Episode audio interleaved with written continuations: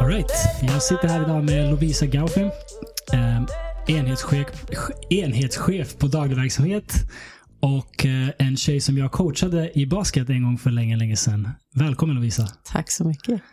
Jag är väldigt glad att eh, du ville komma hit och vara med. Eh, jag coachade ju er, ni, ni var flickor 91 Mm. och jag eh, 88, så jag, jag var bara tre år äldre. Och eh, ni var det första laget jag coachade. Mm. Och det här var sjukt läskigt. Ehm, jag, eh, jag vet inte om jag någonsin berättat för dig första gången som jag stötte på er. Nej, det vet jag inte. Allra första gången jag någonsin stötte på er var i Vällingbyhallen.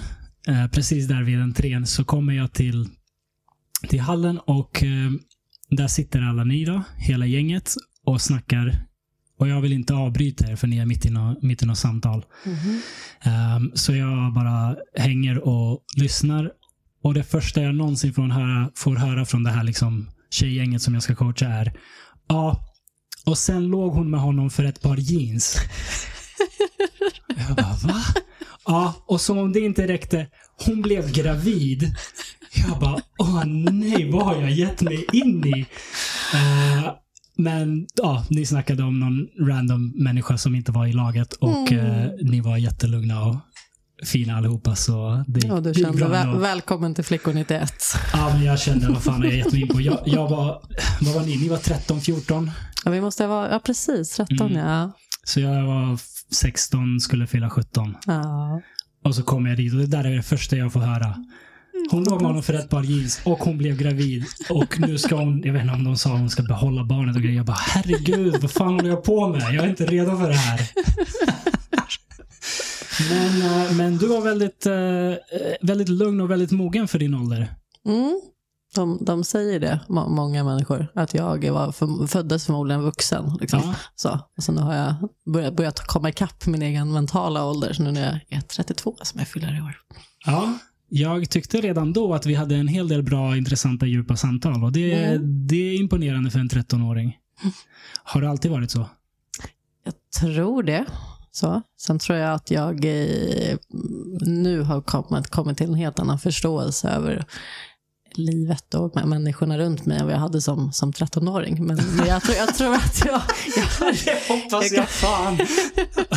Om vi sitter här nu när du är 32 och har ett samtal som var på den nivån när du var 13-åring, då, då skulle jag vara orolig. ja, du får se efter det här om det. Okej, okej. Vad har du fått för nya förståelser? Oj, det var en jättestor fråga. Ja, jag vet. Eh. Först måste jag börja tänka på hur jag, hur jag tänkte och såg på människor som 13-åring. Nej, men jag var ju lite, vad ska jag säga, jag, var, jag tror jag var lite arg som, som Mm. tonåring. Jag var arg över orättvisor i världen och jag var, tänkte att jag skulle förändra andra människor genom att vara arg på dem och berätta för dem hur fel de hade. Mm. Nu bemöter jag människor med att försöka förstå deras utgångspunkt och hur de tänker. För jag har insett att om jag får folk att om jag får folk att känna att jag lyssnar på dem och att jag försöker förstå dem så har jag en helt annan ingång till att försöka förändra deras arbete, liksom ett tankesätt. Mm. Så, det, det är nog skillnaden nu Mm, när jag är mm. vuxen från att jag var 13 och arg. Ja, det funkar nog generellt bättre att försöka ha lite empati än att skälla på Mm. folk. Exakt. Varför var du arg? För att världen var så orättvis. Ja, Så. det, Jag var ju 13, hade ju precis skadat knäna. mm. så, i en, en olycka med mina knäskålar hoppade led. Så jag spelade i basket fram tills jag var 12. Då, Ja. och då skadade jag mig första gången. Och sen var det ju en ständig kamp tillbaka till basketen. ja. Fram tills jag var, oj nu blir det många år här, men 14 kanske, 14-15. Och det insåg jag att jag kommer nog inte kunna komma tillbaka. Den här Mm. skadan är liksom för omfattande. Mm. När, när började du spela basket? När jag var nio. När du var nio. Och Mm. redan vid 12 års ålder åkte du på en så seriös skada alltså. Exakt. Fy fan. Ja, och det var ju också två, jag hade fått MVP-priset två år på raken. Mm. Så, och sen precis blivit uttagen till All-Star-laget. Mm. Så det var an, andra matchen tror jag att det var med All-Star-laget. Så, Ja. så var det en tjej som sprang in i mig så knät hoppade och var en broskbit som flög av. Och därefter så var det bara tre Ah. operationer, tre år på raken. Fy fan. Mm. Ehm, så det var en krock som, Mm. som skadade dig? Mm. Precis, nu kommer jag inte ihåg vem det var. Men det var någon, någon i, i vårt lag i alla fall var det. Aha, Så, som hade fruktansvärt dåligt samvete efter Fire. Exakt. Nej, vad trist. Ja, det är jättetråkigt. Okej, och, och vad sa du hände? En broskbit? En bröstbit liksom gick sönder in i knät. Och så så jag Okej. åkte in akut efter matchen. Och så, sen var det en operation. Och så var det fem. Och när man är 12 år så stannar man kvar på sjukhuset ganska länge. Så jag tror jag var där en vecka. Så, Mm. och ja.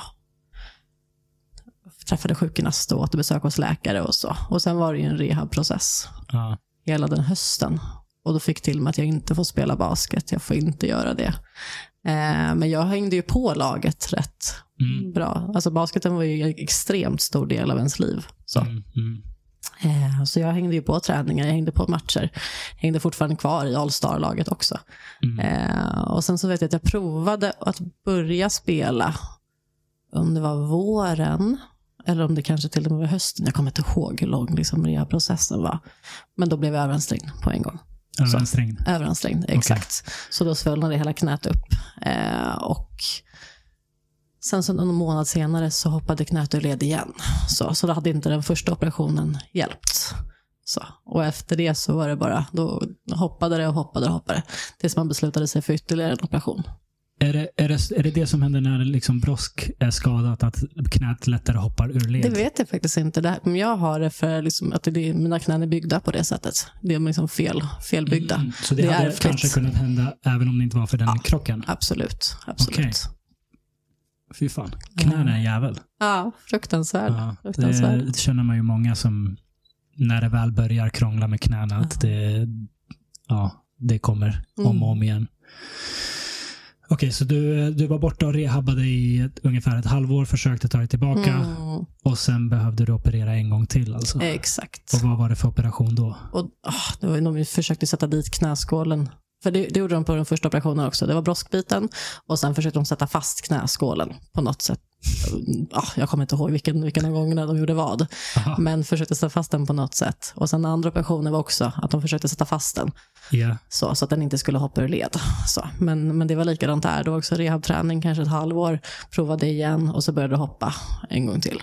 Och så den tredje operationen, då var väl då, efter det, så bestämde jag mig för att nej, men nu, nu skiter jag i det här. Nu, nu blir det ingen mer basket. Mm, mm. Nej, jag förstår det. Jag Mm. förstår det. Att du, att du krigade så mycket som du gjorde redan efter Mm. de första operationerna, det, det är inte alla som hade gjort det. Nej, men det var tufft. Så, Mm. de, för basketen var ju en stor gemenskap. Det var ju verkligen, det var ju hela ens liv.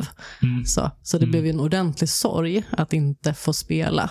Så jag hängde ju kvar i alla fall så, Mm. med laget. Jag hängde på kupper och jag var ju med när du och, du och David kom in och, och coachade. Så Ja. fortfarande som en del av laget fast jag inte hade spelat på över ett år.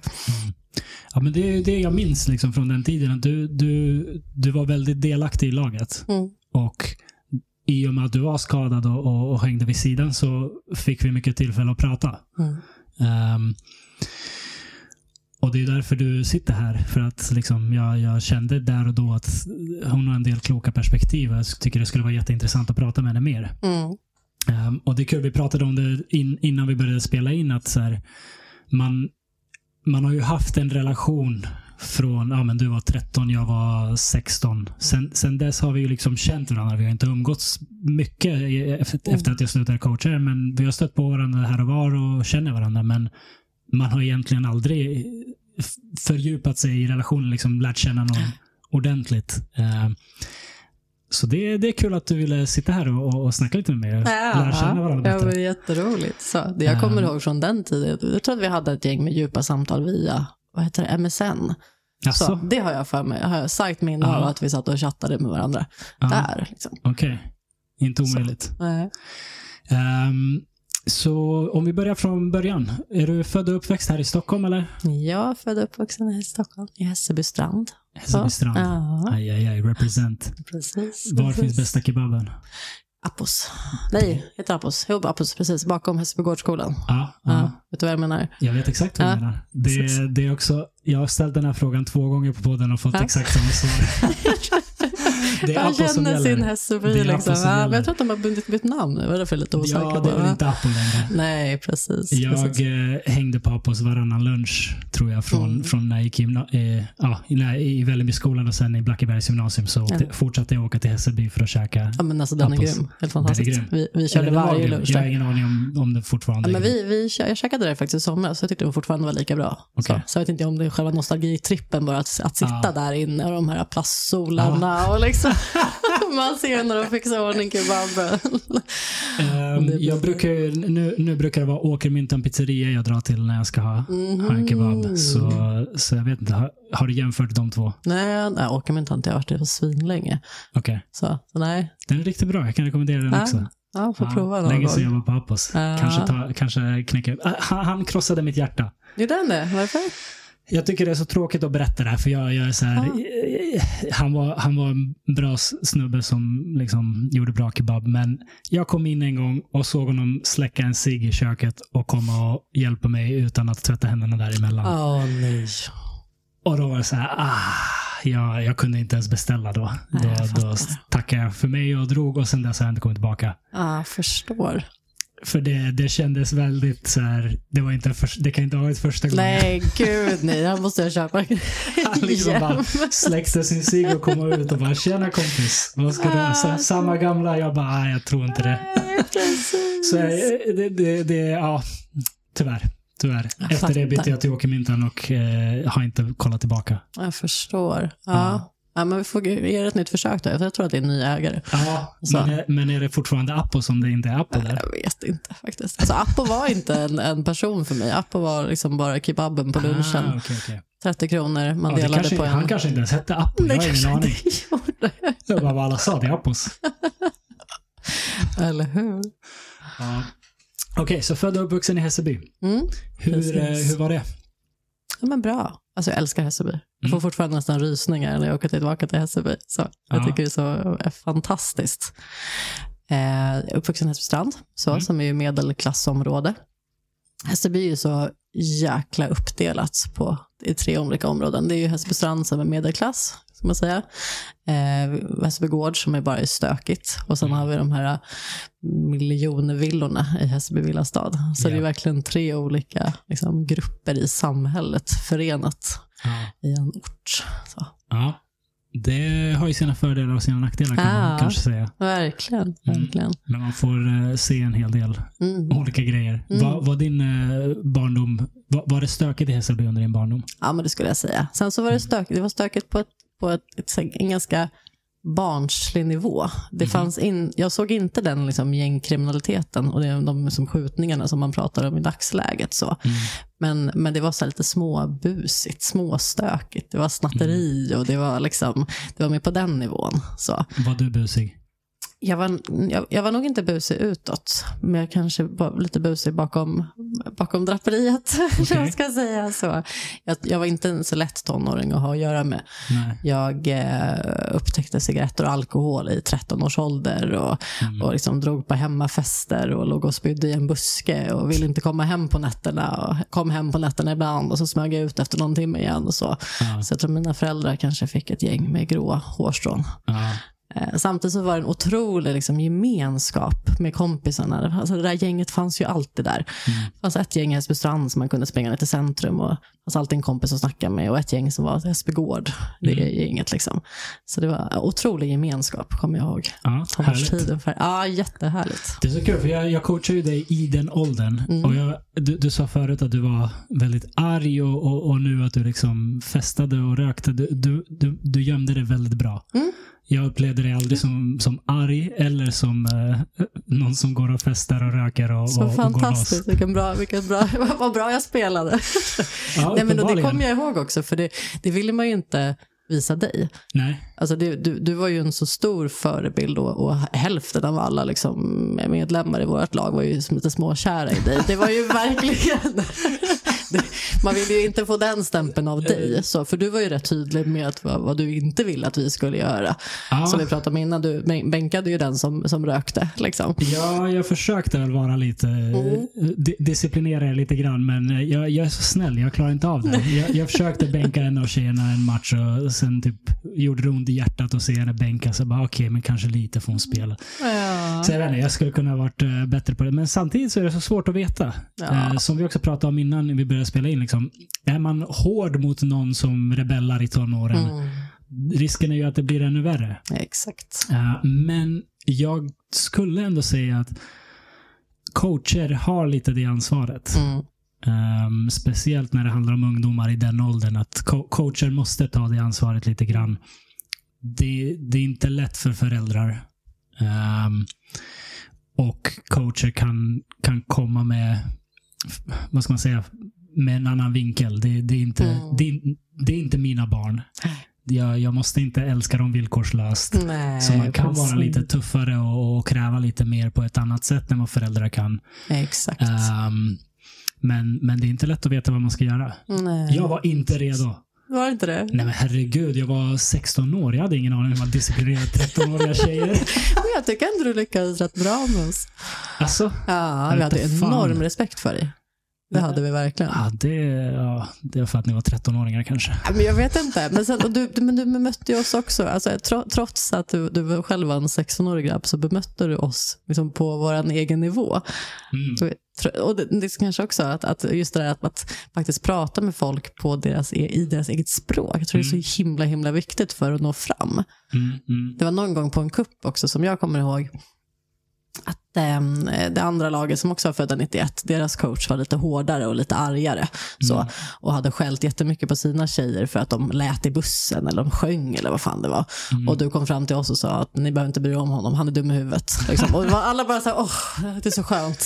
Han Ja. sätter upp sådana bra liksom, spelregler runt Ja. oss. Han, han fattar oss. Ja, alltså 13-åringar behöver vara lite högljudda och stökiga då och då. Sen finns det väl en tid och en plats för allting. Man måste balansera det där.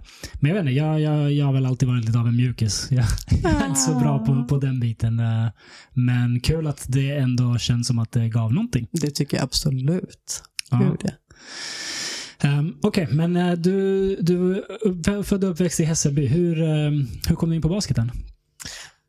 Ja, jag tror att under lågstadietiden så provade man nog lite olika sporter. Jag tror jag Mm. provade på fotboll någon gång och jag provade på dans någon gång. Och, och det var ingenting som fatt, liksom fastnade. Så. Mm. Jag tror att det var efter en fotbollsprova på-träning som jag tyckte det var lite svårt att använda fötterna och kom på att men gud, man kan ju prova basket för då använder man ju händerna. Det känns lite lättare. Så. Ja. Jag tror att det var på den vägen. Så. Och Okej. sen började vi köra i, och det var i den skolan som jag gick i också, Mattesholmsskolan. Mm. Där började vi liksom med coachningarna en vecka gång i veckan. Så där körde vi på. Där började vi vadå? Nej, där började, där, där började vi träna en gång i veckan. Ah, Okej, Ja. då är jag med. Oj. Um, Okej, så, så det var inte liksom att någon, eh, nå- någon syskon eller någon kompis eh, drog med Nej. dig, utan du, du räknade själv ut att eh, jag är inte så bra på fötterna, kanske bättre med händerna. Exakt, och prova med händerna istället. Och sen så var det ett Ja. gäng i samma klass som jag, så, så började vi tillsammans. Ah, kul. Så jag tror em, Emily, Emily och Sandra gick Mm. i samma klass som mig. Och Emma, om du kommer ihåg henne. Ja. Var det, var det liksom kärlek vid första ögonkastet på basketplanen eller? Ja, det kommer jag ihåg det som. Sen tog det ett tag innan jag blev lite bra. Så jag kommer inte ihåg det som att jag var en, en, en nat- naturbegåvning och att jag direkt liksom, satte det. Så, men, men typ ett år in på spelandet och insåg jag att fan, jag har nog lite talang för det här. Ja. Så, och efter det så var, då var det ju bara så jävla roligt. Ja, Så. Det är så jävla fett. Ja, Alltså det, det, det ger så otroligt mycket i den åldern. det gör ju det. Men hur hamnade du ändå in på alkohol och cigg och, och, och fästning så tidigt? Fästning? Fästande? Eh, jag tror att det kanske bidrog till att jag var skadade. Alltså jag, Ah, jag, hade det ju, jag hängde ju på träningarna. Var det, var det först efter skadan som den biten kom in i bilden? Ja, det var det ju. Jag, skad, alltså jag, jag slutade spela på grund av skadan när jag var 12. Mm. Och sen så året efter det så satt jag, då började jag högstadiet. Mm. Så, och i och med, då bytte vi också skola till, från Mattesholmsskolan till Hässelbygårdsskolan. Och vilket skapade också en helt annan umgängeskrets. Ja. Där man rökte och drack. Så, Ja. Det var coolt, det var häftigt. Mm, Så, mm. Som det är. Som det är. Ja. Exakt. exakt. Okej. Ja, det, för det, det, det har varit ett återkommande tema med många av mina gäster. Att så här, Mm. Man var så glad att man hade basketen för att det höll en borta från allt det här. Exakt. Skiten. exakt. Så om det inte var för skadan kanske det, det skulle vara lite Då annorlunda. hade det nog sett lite annorlunda ut, Mm. absolut. Så. För det fanns ju också en... en man, man, det ac- det accepterades ju inte att man skulle dricka eller röka Nej. i basketen. Nej. Så. Så. Så man, om man torskade ju, skulle torska konditionen och liksom man skulle inte Mm. orkat upp till matcherna på helgerna. Om man låg och var bakfull. Jag hade ju det, jag hade ett val där. Jag Ja. hängde gärna på matcherna.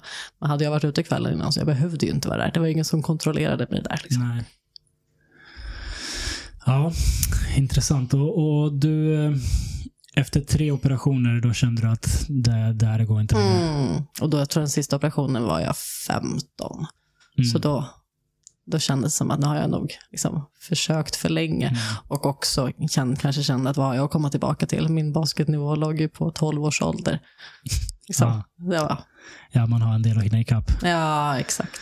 Um, Okej, det, var ju, det var ju tråkigt. Skadade en riktig jävel faktiskt. Ja, verkligen. verkligen. Ja, för jag kommer ihåg det som att det var en stor sorg. Mm. Så, att jag nästan liksom blev deprimerad som, Mm. som barn. Mm. Så jag vet att min mamma letade upp någon idrottscoach eller psykolog som jag fick gå och prata med någon gång. Men det var bara helt... Ja, det, det passade inte så bra för mig där, där och då. Men, Nej. men att jag nog påverkades jätte- jättemycket av det. Hur uh, höll du dig från att bli deprimerad? Liksom, hur, hur, hur tog det inte över dig? Oj, jättebra fråga. Gud, det var så länge sedan så jag kan liksom inte komma, komma ihåg det. Nej. Så. Men jag fyllde väl basketluckan med att jag började högstadiet sen. Mm. Så mm, skaffade nya kompisar, nytt umgänge. Och sen på sätt och vis så var jag också kvar. Jag Mm. hängde mig ju fast liksom. Mm, mm. Ja, umgängeskretsen från basketen var, var Exakt. klar- kvar. Liksom. Var gick du gymnasiet? Eh, psykologigymnasiet i Solna. Okej, Ja. intressant. Ja, en, en friskola. Eh, precis nystartad 2007 Ja. när jag började där. Vad, visste du alltså, eller tänkte du redan i högstadiet att du skulle vilja bli psykolog? eller? Ja, det är någonting jag alltid har velat. Ända sedan Mm. ja, hur lång tid tillbaka som helst. Det har varit min, min stora dröm i livet. Hur kommer det sig? Jag vet inte. Jag tror att jag har ett genuint intresse av andra människor. Eh, och alltid varit, liksom, i vänskapsrelationer har jag alltid varit den som man kan ringa och prata med. Ja. Så alltid varit där och stö, stått, stöttat upp med råd och ja, diverse. Så, så, så jag vet inte. Jag, jag tycker det är så otroligt intressant med människor. Mm. Och när de bara berättar om sig själva och problem och liksom hur man kan se på mm. olika saker. Och, Det, jag tycker det är så sjukt intressant med folk som så tidigt vet vad de vill hålla på med. Ja. Eller har en känsla för vad. Jag, jag vet fortfarande inte vad jag ska bli när jag blir stor. Jag, jag, bara, jag bara latchar. Nu, nu är jag poddare. Exakt. Får man se vad det blir av det hela.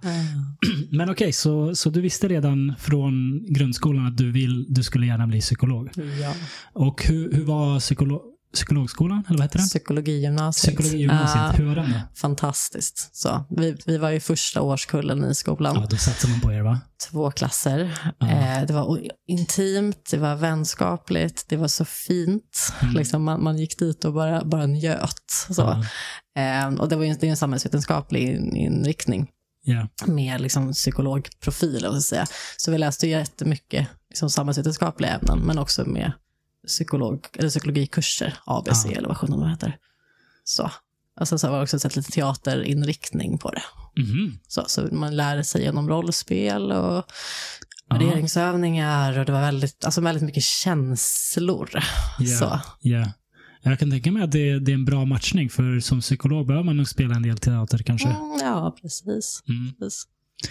Ehm, så efter gymnasiet, Mm. fortsatte du på det spåret eller? Alltså jag, jag gick ut gymnasiet med okej betyg. Så. Mm. Jag, jag har alltid haft ganska lätt för att plugga. Så. Men inte topp, topp betyg som Mm. man behöver för att plugga psykolog. Mhm. Så det var ju, alltså, och det har jag väl också kanske förstått sen, sen högstadiet också. Att jag, jag har ju lätt, lätt i skolan, men jag är inte så lätt att jag kommer få högsta betyg i alla ämnen. Mm. Och det behöver man för att komma in på psykologprogrammet. Var det tufft i psy- psykologi i gymnasiet? Nej, det skulle jag kanske inte, inte tufft så. Mm. Men vi var också två klasser med ungdomar som pluggade psykologi, alla hade ett intresse av psykologi, Mm. vilket genererade att vi kan vara väldigt mycket vi reflekterade väldigt mycket över oss själva så, eh, och varandra så som, så som tonåringar gör. Men då blir Ja. också det kanske väldigt stort fokus. Lite extra våra problem, ja, exakt. Att det liksom intensifierades lite. Det där är intressant. Det är något som jag tycker att man ser väldigt mycket idag. Mm. är att man pratar om ångest Mm. av alla möjliga slag och att ungdomar har jättemycket ångest.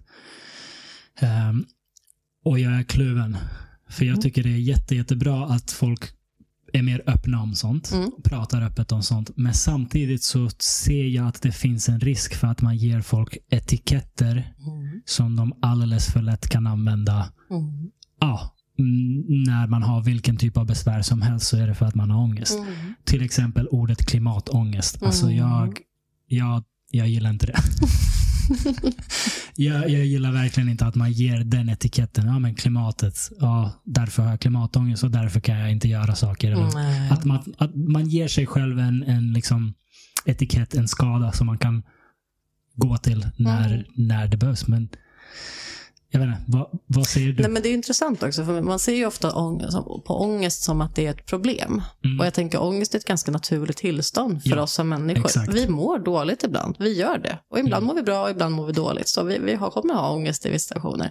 Och gör vi en problemskapande kring ångesten hela tiden, då, då, är det som att vi också intensifierar ångesten. Mm. För då får du ångest för att du har ångest. För då Ja. blir det som att du gör, gör någonting fel när du har ångest. Om vi kanske istället bara skulle kunna som, ta ett steg tillbaka och tänka att det här, just nu mår inte jag så bra. Just nu har jag ångest för någonting. Mm. Det kommer gå över. Så. Exakt. Och, och, och, ord som klimatångest gör det så stort. Ja, För att då låter det som att det går över när klimatet blivit bra. exakt. Och det är ju inte något man kan påverka själv Nej, direkt. Det, precis. det tar en stund.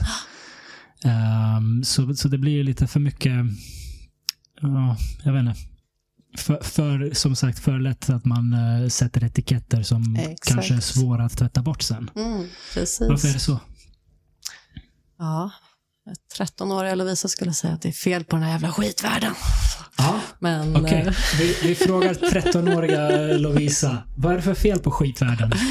ja, precis. Vad var du så arg över? Jag vet faktiskt inte.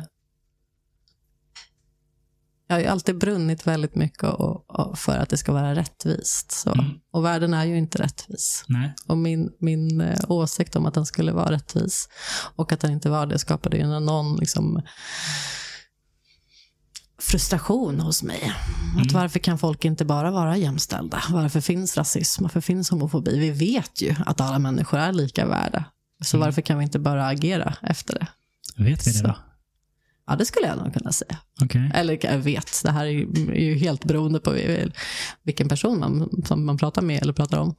Är, är Hitler lika mycket värd som du och jag? Och det blir jättestora frågor. Absolut. Du, Absolut. Man måste kunna ta det till sin spets. Är alla lika Ah. värda? ja, 13-åriga Lovisa skulle säga ja.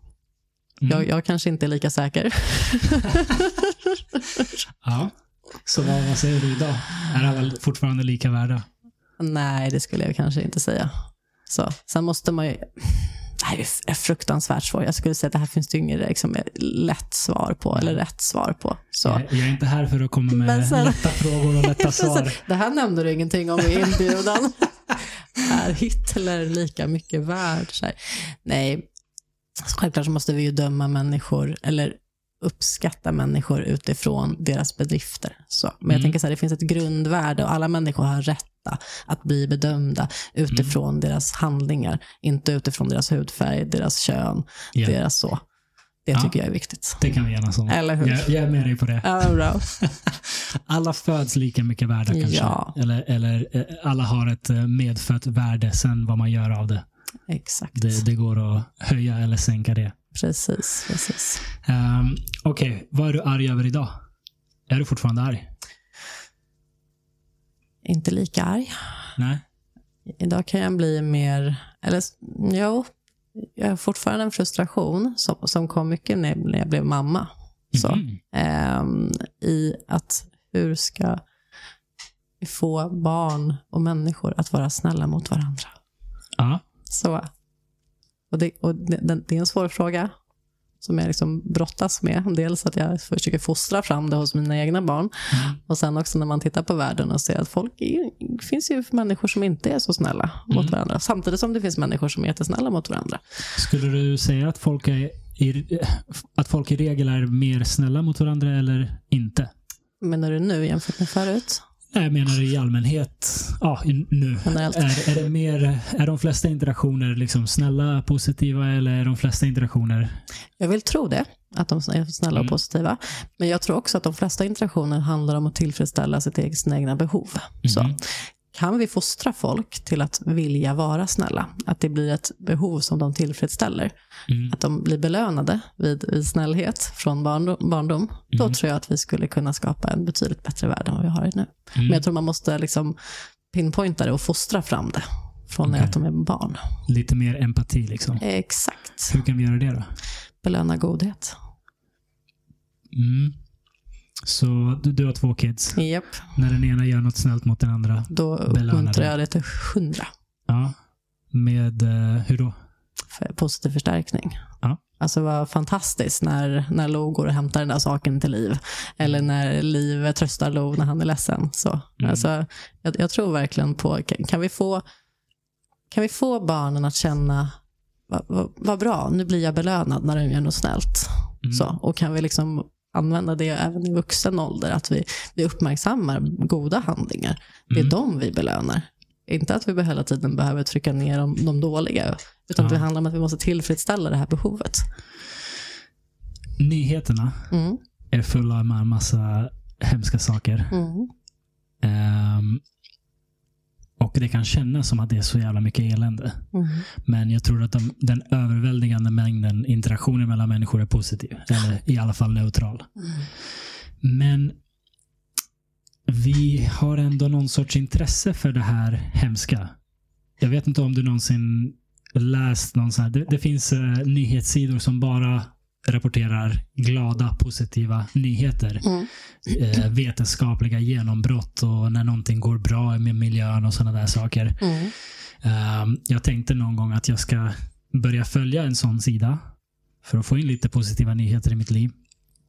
Så jag gjorde det. Det var Mm. så jävla tråkigt. Är det sant? Det var så jävla tråkigt. Jag gick in och bara, ja, ja, men det här är bra och det där är bra. Mm. Okej, nu vill jag gå och kolla vart det är krig. Ah, jag fattar. Och jag, jag, jag vill liksom, jag försökte ärligt få in lite mer positivt i mitt liv, men det var så eh, ointressant på något sätt och jag vet inte om det är en naturlig grej hos mig Mm. eller om jag har blivit tränad i och med att medierna ser ut som de gör. Eller om det bara är en naturlig mänsklig grej, att man är, vi är liksom kopplade för att upptäcka fara. Exakt. Så, så om, man, om man är uppmärksam på fara så är chansen högre att man överlever Mm. än, än om man inte upptäcker fara. Mm. Så det kanske bara är en helt naturlig instinkt att man vill läsa om allt det hemska eller titta på nyheterna Mm. om allt det hemska snarare än allt det bra. Mm. Vad tror du, psykologen? Ja, precis. precis. Eh, nej, men jag, tycker, jag tycker att det, det, det är spännande du säger och jag känner igen mig i det. Alltså, vi, vi dras ju till det här lite... ehm, men det, det är spännande, eller det är fruktansvärda. Exakt, det här mörka. Alltså, det Ja. finns ju som ett, som ett begär i oss.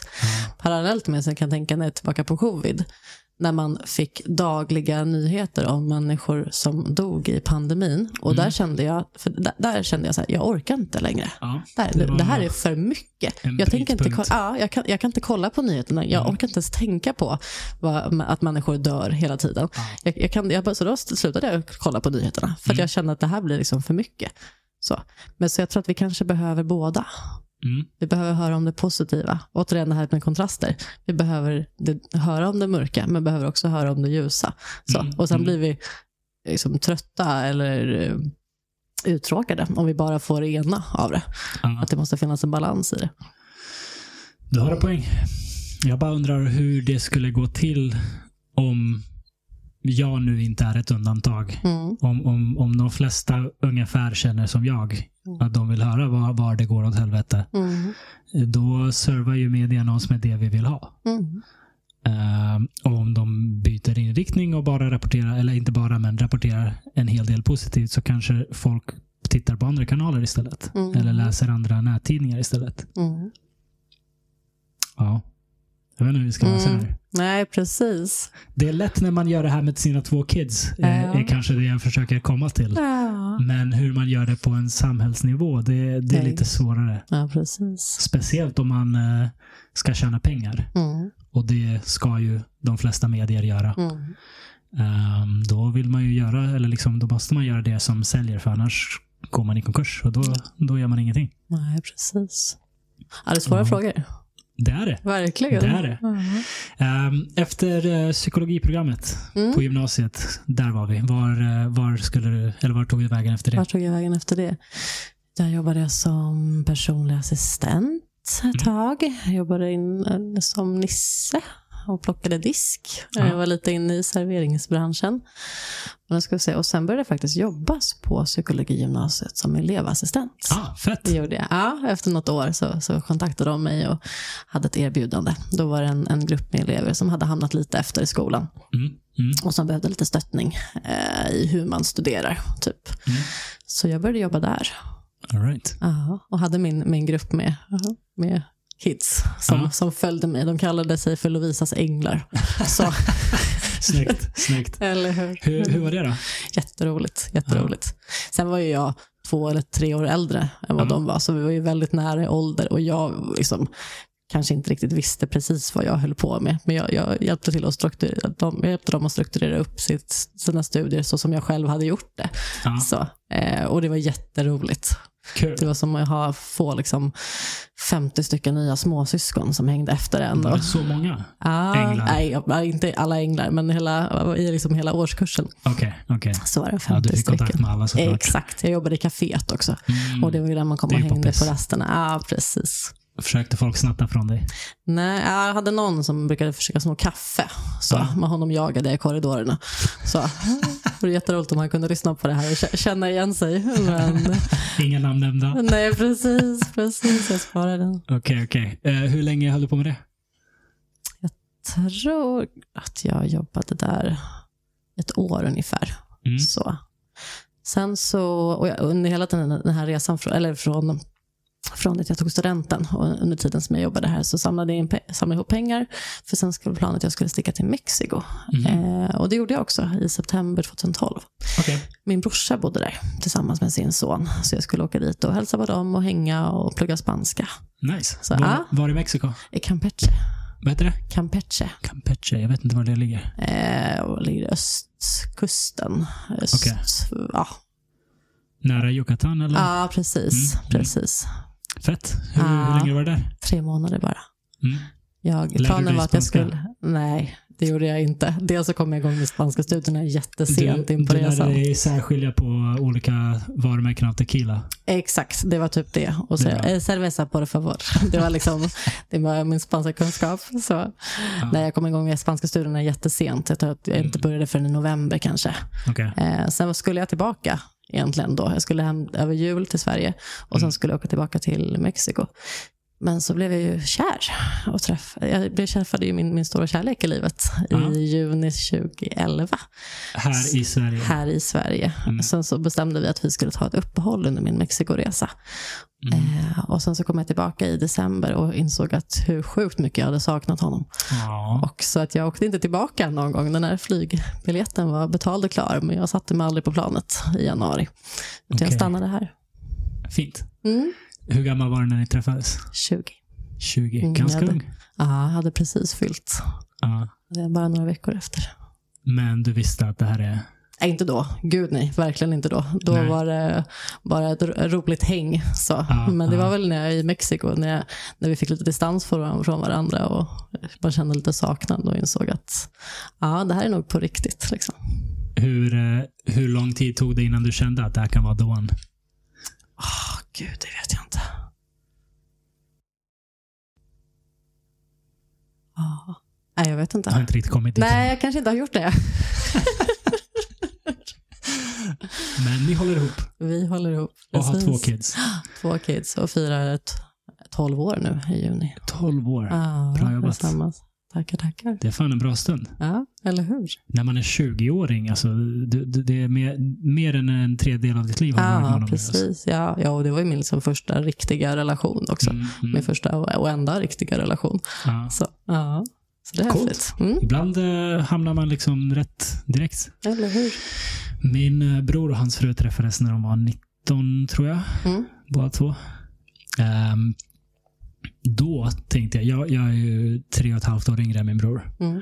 Så jag var ja, men där omkring 15-16 Mm. när de två träffades. Så jag växte upp med eh, att de två har en väldigt fin, nära relation. De är ju fortfarande med varandra, har två kids och sådär. Mm. Ehm, så jag eh, byggde ju upp i mitt huvud att det är, det här, det är så man ska göra. Ja. Ehm, liksom man ska träffa sin, sin partner och det ska vara the one och man ska hålla ihop och, och så. Eh, så jag byggde ju upp värsta komplexet kring det här. Så att det blev så otroligt viktigt för mig att träffa min, Den liksom, rätta. ja, träffa den rätta. och eh, ja, det, det, det blev viktigare än vad som är rimligt för någon i tonåren, Ja. tidiga 20, 20 år. Ehm, så jag, eh, ja, jag, jag, jag, jag fick mig själv att vara olycklig om jag inte hade någon på gång. Liksom. Om jag inte Ah. hade dejtade någon eller ja, då, då tyckte jag inte om mig själv. Nej, Så jag byggde upp en, en hel liksom, eh, ja, en, en, en bild av att jag inte duger om jag inte har någon partner. Liksom. Ja. Ehm, Hur länge höll det i sig? När kom, när kom, du, tror jag, kom du över det? det är en bra fråga. Jag, jag, jag hade väl den inställningen fram till någon gång när jag var 25 ungefär. Mm. Eh, och när det var som värst, alltså mellan typ 23 och 25, då, då var jag typ det, det handlade inte bara om det, men då, det var en stor faktor till att jag i princip var deprimerad. Mm. Och då tänkte jag att har jag inte träffat min livspartner innan jag är 27 så kommer jag inte vilja leva. Men Gud, vilken press du satte på dig själv som Sjukt, va? 20-åring. Ja, Ja. Ja, verkligen. helt, helt, eh, men det är, det är jätteintressant att man kan bygga upp sådana föreställningar. Det, det, det, det, här, det här är anledning, egentligen anledningen till att jag har tagit hit dig. Jag behöver en gratis psykologi Ja, jag fattar. Jag förstår. Jag liksom Får behöver- swisha sen efteråt. Eh, nej, men eh, vad ska man säga? Man, man kan bygga upp en så stark idé i sitt huvud. Mm. Det är därför det är så otroligt viktigt att prata med någon. Mm. Det måste inte vara en psykolog, det kan vara en vän, det kan vara en, liksom, ett syskon, en förälder, vad som helst. Mm. Men bara släpp ut de här tankarna. För jag tänkte så länge, eh, så länge det bara är i mitt eget huvud så är det inte på riktigt. Mm.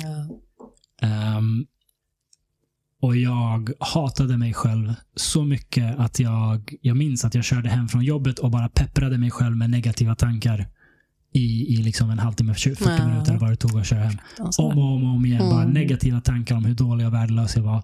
Tills hjärnan var så utmattad att jag kunde vila. Mm. Ehm, och sen när jag väl öppnade munnen och, och pratade med, det var en vän som jag öppnade upp för och berättade att jag in, ibland inte mådde så bra, så började jag bli bättre Mm. jätte, jättefort. Mm. För att jag bara släppte ut de här tankarna och då ser man att okej, de var inte, det här är inte så överväldigande som man tror att det är. Nej. Ehm, så det, ja, efter det har jag varit väldigt, ehm, väldigt mån om att prata om det och prata med folk som mår dåligt om det. Att Mm. det, det, det är inget värt att liksom bära på själv. Eh, och om jag skulle plugga om någonting så skulle det vara just psykologi. Ja. För jag tycker det är så otroligt intressant. Ja, Hjärnan är så otroligt komplex. den är ju det. Och jag tänker också hur, hur vi fostrar, återigen, hur, hur vi fostrar pojkar och flickor. Det jag tänker att, att just att för, som tjej så pratar man pratar ju om allt. Man pratar om, om Mm. vem man vill gifta sig med och man vill pratar om vad man vill göra i livet. Man pratar om hur man mår hela tiden. Mm. Grabbar har ju inte riktigt det kommunikationsmönstret i dagsläget. Mm. Vi, vi, ni belönas ju inte för att prata känslor. Nej, exempelvis. Så, ja, exakt. Så Mm. jag tänker att det måste vara en stor del av problemet. Mm. I, Säkert. I det, det här läget som, som du hamnade i, att, bara inte, att det här, du, du hade det här problemet i ditt eget huvud, Ja. hos dig själv. Och att du inte kunde ventilera det med någon och att det bara behövdes en ventilation. Mm. Och sen så för, för att kunna se det på det annorlunda. Så himla, himla viktigt Mm. att man har den så här, typen av nära relation, att man vågar prata om de här sakerna som gör en osäker. Mm. Tror du det kan gå för långt dock? åt andra hållet? Ja, kanske. Jag tänker om man, om man tänker på det som vi kanske kort, nämnde innan, just med ångest, att, Mm. att, att, man, att man känner, att, man överanalyserar allt man känner Ja, exakt. och, och tänker på. Så att man nästan blir ångesten. Mm. Så, så jag tror det måste finnas en, en balansgång. Mm. Jag, jag tror de yngre generationerna är bättre på det här än vad vi var. Mm. Även bland killar, att det är lättare att prata om känslor och- Mm. och sånt. Jag tror att det har varit mer fokus på det i, i, i skolor och sånt. Ja. Ehm, men jag, jag vet inte, jag är lite rädd för att det, det är en balansgång. Mm. Och ibland är det faktiskt så att man behöver bara hålla käften och tuffa på. Mm. Men jag vet inte vad den balansen är. Liksom. Jag, jag vet inte när man skulle säga till en tonåring, Mm. prata mer. Alltid prata mer, ja. Men när det kanske är bara, ja okej, det är inte, s- eller det är synd om dig, men så, sånt är livet. Mm. Du måste vara tuff. Det är liksom, livet är svårt. Mm. Eh, saker kommer hända som är tuffa. Saker händer allihopa som är tuffa. Man kan inte låta det liksom sänka en heller. Mm. Mm. Nej, och jag får, får ibland känslan av att det finns en slags övertygelse bland kidsen idag om att världen ska anpassa sig efter dem. Exakt. Så, och att inte de ska anpassa sig efter världen. Och som sagt, där har du också hur, hur kommunicerar vi det här till, till en tonårig hjärna som vill ta sig själv på allra största allvar och kä- känner allt de känner ut i fingertoppsspetsarna. Alltså det är ju jätte, jättesvårt. Och vilken person är det som ska kommunicera det här? Är det coachen i Ja. basketen eller är det föräldrarna eller är det lärarna i skolan? Ja. Vad är svaret? Ja. Gud, tänkte jag säga. Men, men det tror jag verkligen inte är det inte det minsta religiös. Ja. ja. Det fanns ju en fördel med, med att Gud var ett inslag. Ja, det var ju betydligt mindre konstaterade problem utan lösningar. Det, det, ja. Problem utan lösningar. Det, det kanske... Nej, nu vet jag inte ens vad jag, vad jag var inne på för spår.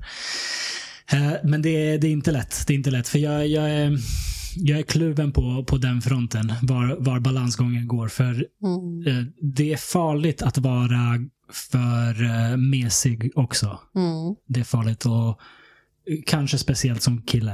Eh, för det, när någonting går åt helvete, alltså när det blir krig, Mm. när, när det blir naturkatastrof, vad som helst. Alltså,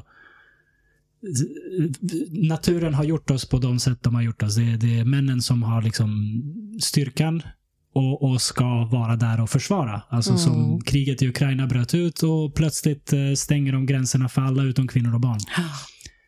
Det är av en anledning och det är inte rättvist på något sätt och vis, men så är det. Mm. Eh, och då tänker jag, är, gör man liksom ett samhälle för mesigt så att man inte kan klara av ehm, krissituationer, så är det också problematiskt. Samtidigt som man inte vill liksom vara det andra, det här tuffa, där folk inte kan prata om känslor och, och stänger inne det. Mm. Ja, men precis. Men det är återigen den här, den här balansgången som är så, så otroligt viktig. Att vi inte ska gå över för mycket liksom att vara för macho Exakt. så, med, med grabbar Exakt. och inte heller för lite macho, vad motsvarigheten är, me- mesiga, eller om man, Ja. om man nu kan säga så. Nej, men jag vet inte. Alltså hur, och precis, och hur, och hur fostrar man det här på bästa nivå? ja. Har du ingen lösning till mig alltså? Jag har inte det. Jag är Fan. ledsen. Fan, jag hoppades. Kanske Jag nästa podd. hoppades. ja, ja, men då avrundar vi där då. Eh, nej, jag ska bara. Men eh, okej. Så eh, du jobbade lite olika ströjobb. Du hittade livskärlek och så, och så blev det all in på, eh, på, på det spåret, eller? Exakt, exakt. Och drömmen var ju psykolog, som sagt. Så. Mm. Men, men som sagt, betygen hade ju inte räckt. Man behöver ju högsta i allt för att komma in på psykologlinjen. Och man måste gå psykologlinjen för att kunna jobba med sånt här. Exakt. Man kan inte ha någon så här... eh, Ah, Man kan bli socionom. Nej, är nog ingen, privat business. Men man skulle kunna göra det, bli liksom socionom och jobba som kurator. Men jag var aldrig... kan, man inte, kan man inte vara så här livscoach? Jo, det kan man Är vara. inte det typ en psykolog? Ja, kanske. Fast utan En den psykolog- teoretiska En grunden psykolog bara. utan utbildning liksom. Det låter extremt farligt, gör det inte? Kanske, men, men alltså, samtidigt, det, det finns ju folk som är så här... Bara, bara ett, eh, någon som lyssnar och ställer bra frågor. Ja. Det, det kan ju, ah, jag ska inte sätta dig på det här spåret, jag har ingen aning. Nej, jag, jag, jag, jag, jag, tror, jag tror att, eh, jag tycker att det är en fin tanke. Ja. Så, men sen tror jag, vill man bara ska inte vara att du lite... ska ge upp din dröm. Jag tycker, men jag, just nu lever jag min dröm. Jag hittade Det- ett sidospår, gjorde jag. Ja. Jag ville bli psykolog, hade inte betygen. Tänkte, okej, men ekonomi, jag kan ändå matte. Så Ja. ekonomi, där kan man säkert tjäna lite pengar också. Eh, sökte in till ekonomiprogrammet på universitetet. Mm, okej. Kom i, kanske in, jag kommer inte ihåg vilken, hur, hur gången det var.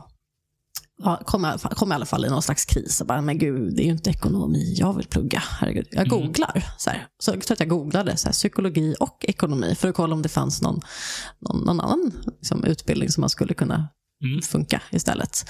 Jag hittade personalvetare Mhm. Och tänkte, gud det är det här. Det här ska jag plugga. Det här verkar ju svinkul. För då var det arbetsrätt, så, det är psykologi, det är ekonomi och det är liksom organisationsteorier. Så. Mm. Och jag hade också betygen för att komma in på linjen. Okej. Så där hamnade jag. Så, så vad gör en personalvetare? En personalvetare kan göra allt möjligt, men oftast så hamnar man inom HR-området. Alltså så, att du är med och stöttar chefer i arbetsrättsliga frågor.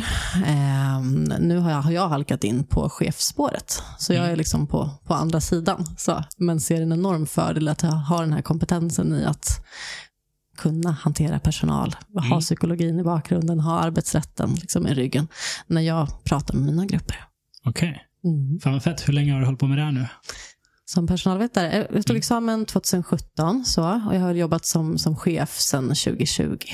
Okej. Så, så jag är inne på tredje året, så jag är ganska junior. Du, du är alltså, eh, jag tror du nämnde det innan eh, vi började spela in, du är ambulerande chef hette det va? Ja, precis. Så vad innebär det egentligen? Ja, och det, det är väl mitt eget hittepå-begrepp egentligen. Det är mer att jag har haft eh, olika chefsuppdrag sen 2020, så jag har inte haft någonting fast. Så, Okej. Utan jag har suttit på olika verksamheter där det har funnits behov. En var en förälder för en föräldraledighet.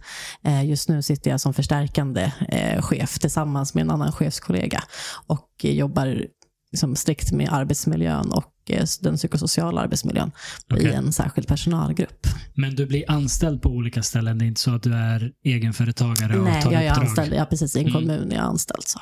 Okej, Så, som är min chef som flyttar runt mig, där hon tycker att jag ska, var ska vara. all right. Mm. Och just nu är du alltså enhetschef på daglig verksamhet. Exakt. Och vad betyder det? Daglig verksamhet är verksamhet för människor inom funktionshinderområdet. Som, Mm. och det går under LSS, lagen om socialt stöd. Ehm, och till, till, till våra verksamheter kommer personer som, i två verksamheter så är det personkrets 1, vilket innebär att de har en intellektuell funktionsnedsättning. Ehm, tidigare hette det utvecklingsstörning. Ehm, och sen när de har autism eller autismliknande tillstånd. Så, så vi har en verksamhet som har estetisk profil. Så, där folk kommer och har teater och musik och målar och så. Kul. Ja, jätte, jätteroligt. Får man inte säga utvecklingsstörning längre? Nej, det heter inte Det är inte utvecklingsstörning. längre? Exakt. Okej. Så intellektuell funktionsnedsättning. Intellektuell funktionsnedsättning. Hur många år innan det är utbytt då? Det vete sjutton. det, jag tror att det här kom förra året. Så, så räkna med Okej. några år kommer det nog hålla. Ja, Ja, men som sagt, begreppen byter. Ja, det det man brukar byter- snurras rätt friskt det där. gör ju det. Och sen är man plötsligt en så här total dinosaurie om man använder fel begrepp. Hur ska man veta? Exakt. Hur ska man veta? Nej, men du måste ju vara inne i det för att, för att kunna ha koll. Ja, Och jag säger fel, herregud.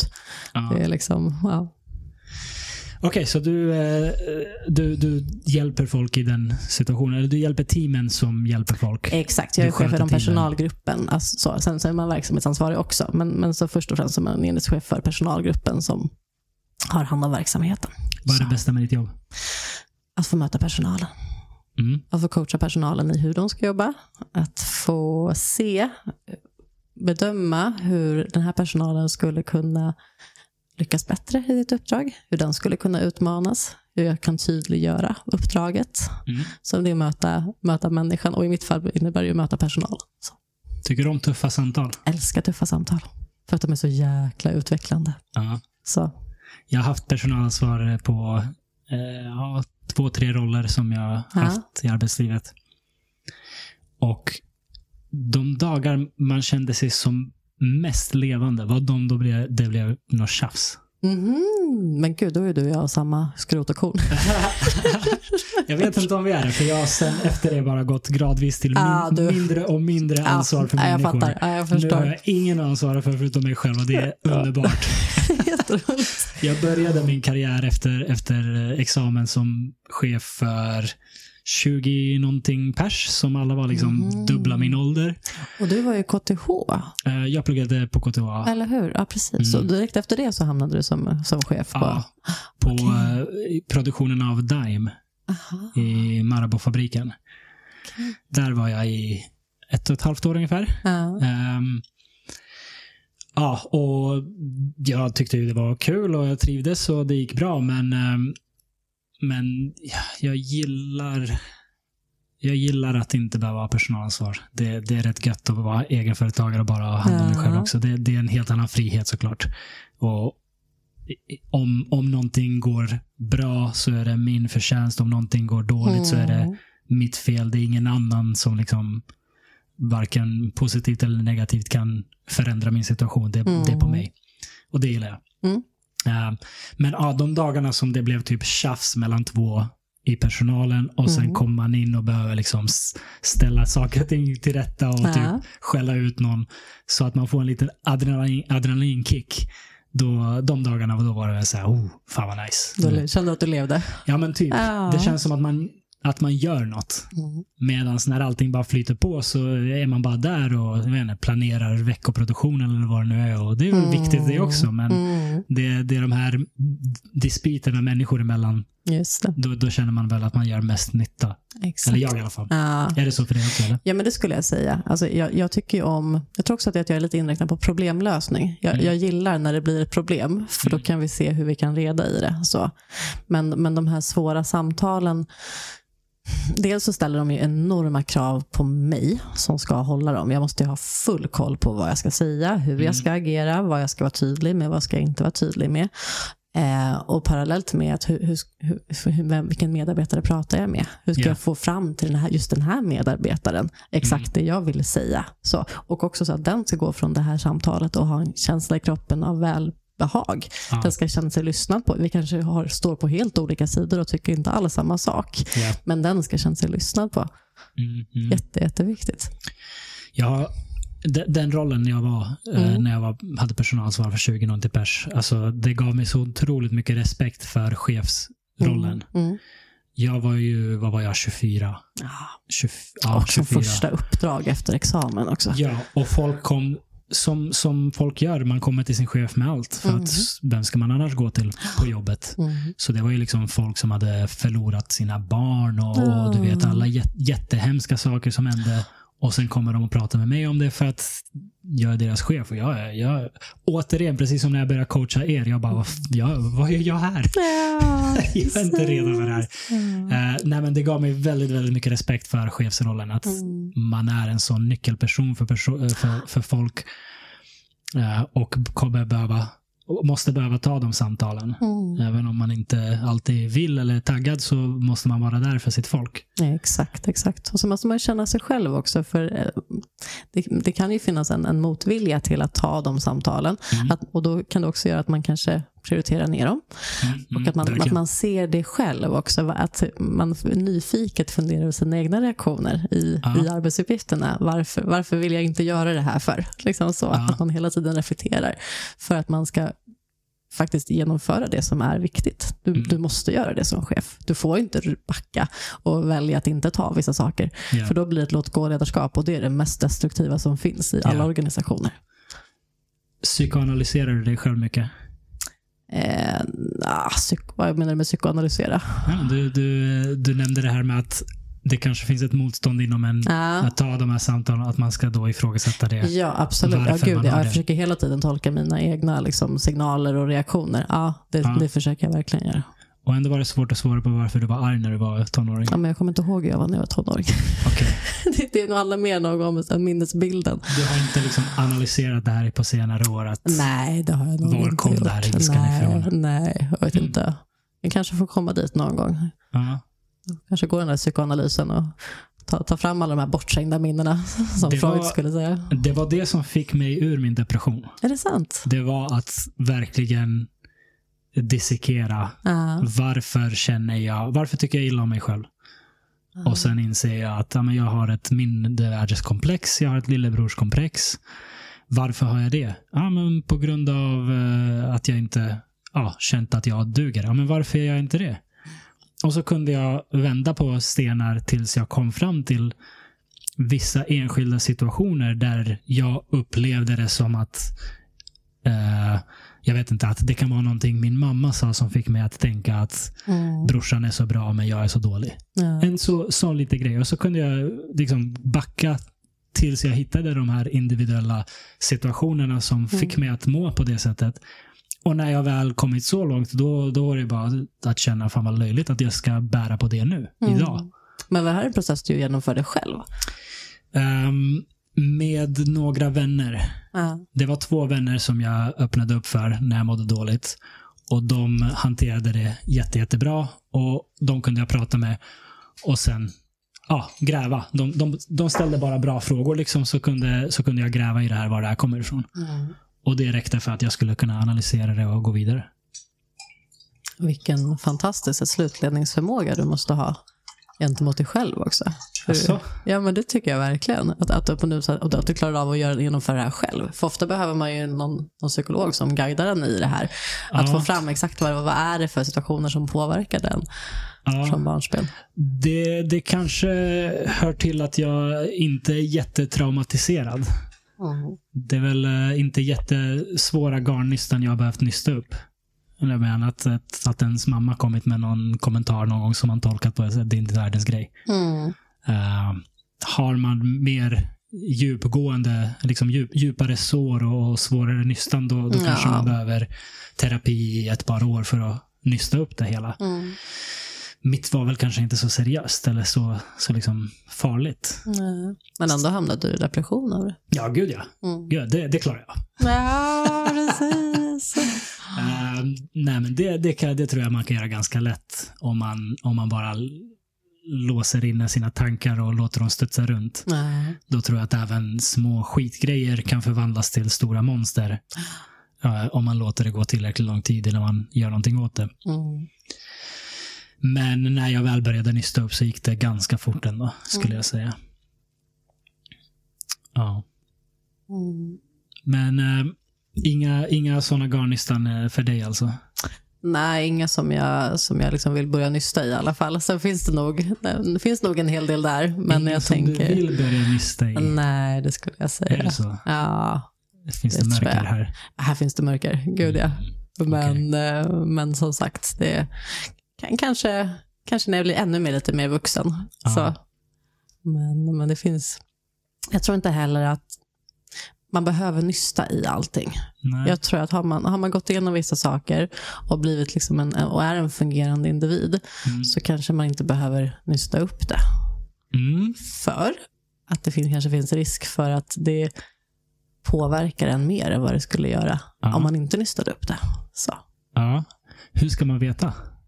Ja, det är ju väldigt svårt att veta. Ja. Här får man ju bara gissa. För det är ju inte omöjligt att, som du säger, det är en risk att börja nysta upp. Men det kan ju också vara så att man förlorar någonting på att inte nysta upp. Mm, absolut. Är det värt risken? Ja, men precis. Ja, det, är- det, man, det är den man måste ställa sig själv. Ja. Så. Och, och ta, ta ställning till själv. Mm. Så. Och det tror jag handlar lite om hur väl fungerande man är. Alltså Mm. mår du bra, även om du har varit med om traumatiska saker eh, som du kan, som kanske ses som obearbetade för att du inte har pratat om dem, eller om du har relationer som är fortfarande destruktiva eller har varit destruktiva, eh, som du har gått vidare ifrån. Om du är välfungerande och du inte känner att det har en direkt påverkan i ditt liv, då, Mm. då gamblar du ju lite om du ska börja nysta i det. Då kanske det kommer påverka dig mer än vad det skulle göra om du inte gjorde det. Fan vad svårt. Jättesvårt. Så, Tur att det finns psykologer. verkligen. Alla de där som klarar att plugga på gymnasiet och sen ta sig till högskolan. Förlåt, jag menar tur att det finns personalvetare. Tur att det finns folk som är duktiga på att lyssna som man kan gå och prata med. Ja, Oavsett finns... vad det är i livet. För för mig var det inte alls nå, nå, någon professionell. Det var Nej. två vänner. Mm. Och det, det räckte liksom. Det behövdes. Ehm, Exakt. Tur att det finns folk som är intresserade av att lyssna på andra människor. Ja, Mm. och det där är också viktigt. Ehm, jag vet inte om det var tur eller vad det var, men, men de, just de två vännerna jag pratade med Mm. eh, hade så otroligt bra reaktioner. Eh, den ena hade syskon som gått igenom liknande. Mm. Så han liksom tog mig åt sidan direkt och bara, men varför har du inte berättat om det här förut? Låt oss, låt oss prata. Mm. Och den andra hade själv gått igenom ehm, någon form av depression Mm. och kunde liksom bemöta mig på det. Så det kanske bara var ren tur att jag stötte på rätt folk. Mm. Men det där är också viktigt att när någon kommer och öppnar upp för en, att man hanterar det på ett bra sätt. Mm. Men det kanske inte alla vill eller är kapabla till att göra, eller de kanske har sin egen skit, vad vet jag? Ja, precis. precis. Mm. Alla kan inte vara lyssnare. Nej, och alla är ju inte födda till lyssnare. Och, och alla är ju inte heller intresserade av att lyssna. Så. Mm. Jag är lite rädd att jag ser en trend i samhället där folk är mindre och mindre benägna att lyssna. Mm. Jag vet inte, och nu kanske jag konspirerar, men jag inbillar mig att det kanske har med hela sociala media, vi är väldigt Mm. liksom individfokuserade just nu på ett sätt som, som kanske tar också ifrån oss möjligheten att lyssna in andra människor, vem är egentligen vi har framför oss. Mm. Så. Mm. Men, men det är mitt, mitt eget. Jag, jag tror att sociala medier boostar narcissism Ja. ganska mycket. Mm. Sen tror jag att an, andelen narcissister är antagligen ungefär samma som, Mm. som det alltid har varit, men att det premieras i och med att det är så selfies, klicks och, och allt vad det nu är. Mm. Och att man får så mycket uppmärksamhet när man gör sånt också. Speciellt unga tjejer. Mm. Alltså det, det är någonting jag tycker är bedrövligt Mm. att det funkar på det sätt som det gör. Eh, det- är en kompis som jag pratar med, en tjej som eh, ja, men, har ett Instagramkonto, inga konstigheter. Och sen ser hon att typ de två bikinibilder hon har lagt upp under hela sitt liksom Instagram, i, Mm. hela sin Instagram-karriär, de har liksom folk sparat. Man kan se hur många som har sparat bilderna. Eh, och så är det jättemånga som har sparat just de två bilderna. Mm. Och det där är så farligt för att eh, nu är hon liksom mogen nog att eh, det här är någonting hon skrattar åt och tycker är eh, creepy, men det går inte väl längre än så. Men om man är 14-åring och så ser man att det här funkar, det här ger mig uppmärksamhet, det här ger mig liksom det jag vill ha, bekräftelse, det, det alla vill ha i tonåren. Exakt. Eh, man förstår ju att det är lätt att pushas in åt ett visst håll Ja, med precis. sociala medier. Och särskilt i en värld där liksom, för kids har ju sina egna sociala medier. Mm. Så sen, sen tror jag verkligen på att hålla koll som förälder. Men det är ju också ett område när, när de väl har en mobiltelefon Ja. så, och de har ett Instagramkonto eller de har ett TikTok-konto eller Snapchat-konto. Alltså man har ju en enorm kontrollförlust som förälder. Ja, Och det är ju som sagt en värld som är rätt oreglerad. Ja. Så, och då har man de här barnen som använder de här kontona och som kanske inte har något konsekvenstänk, för det har man inte Nej. jätteutvecklat liksom, i barn och tidiga tonår. Så. Hur tror, ja, förlåt, fortsätt. Nej, vad jag, nej, det måste jag. Hur tror du du hade varit om Instagram fanns när du var, när du var 13-14? Alltså jag hade ju inte Instagram, men, men vad hette det då? Playhead som, som motsvarighet. Ah. jag, var ju, jag vet inte om du kommer ihåg så här, Lunarstorm, Playhead-eran. Så, Ja. så var inte det riktigt på samma sätt. Nej, nej. Men visst tur 17 är. kunde man, man kunde ändå lägga upp saker och, och folk kunde gå in och gilla eller kommentera. Eller man- kunde se så antal Ja. besök på profil. Någonting sånt Så, fanns ju, men det var ju inte... och, och det är ju den här barnleken med, med Ja. hur det är idag. Så. ja. Men jag tänker att jag tror att de här mekanismerna hos, hos individerna, de finns nog. Det ingår nog i, i liksom den mänskliga personligheten. Men idag är det så jäkla lätt att hamna där. Mm. Att liksom, och, och man eftersträvar ju likes. Såklart. Det, är- det är ju såklart. det enda vi alla, alla gör. Det liksom. enda man vill ha i, i liksom tonåren är bekräftelse Ja. och bli accepterad. Så en, likes är ju någon sorts digitalt substitut för Mm. det. För, för det är ju inte riktigt samma sak. Men ändå är det typ, om det är ens vänner som gillar ens bild, ja, det, Mm. visst det är en typ av bekräftelse. Men eh, det är ju en helt annan sak online än, än i verkliga Mm. livet. Hur tänker du kring det nu när du själv har barn? Liksom? Åh, Gud, det här är en sån mardröm. Mm. Ja, jag vet inte. Så, man, det man, man, man måste ha i åtanke det är ju också att får de inte ha det, då kan ju det skapa ett utanförskap. Ja, ja. Kids idag umgås ju jättemycket digitalt. Det är ju mycket som händer i den sociala gemenskapen på nätet. Så.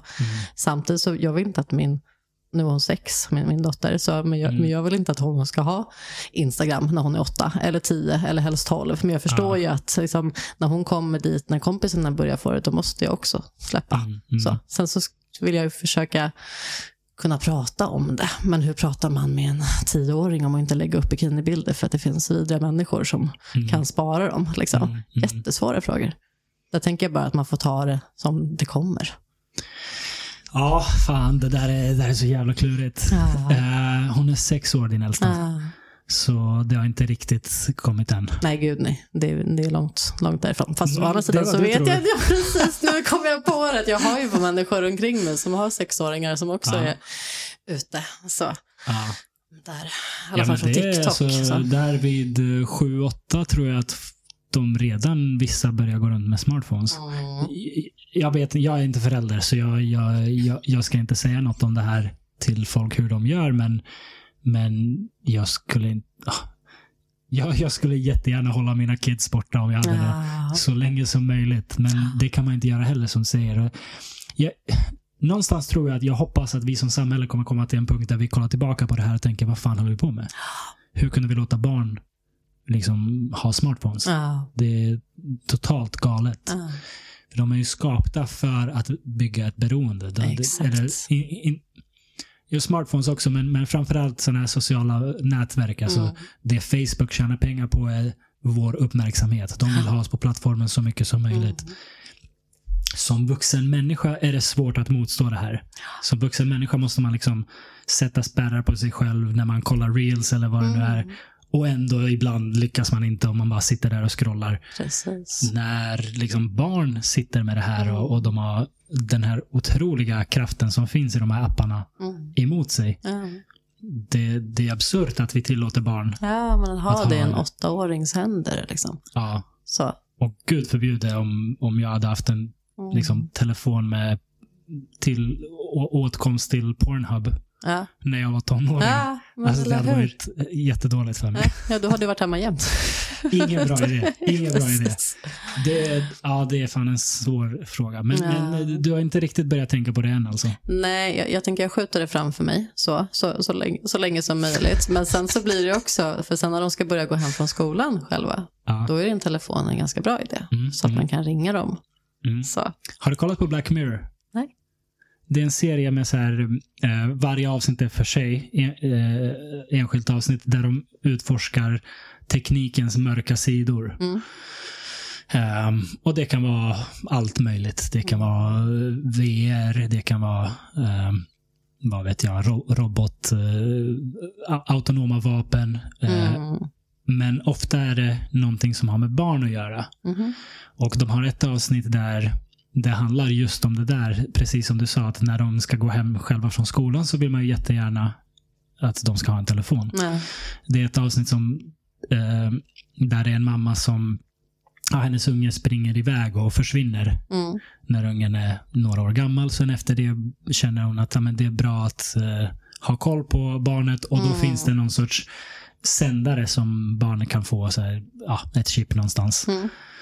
Och hur lätt det blir att man har mer och mer koll på dem tills det går alldeles överstyr. Ehm, och det är ju den här naturliga känslan, precis som du säger, när ungen ska gå hem själv. Det är klart att man vill ha koll på dem. Mm.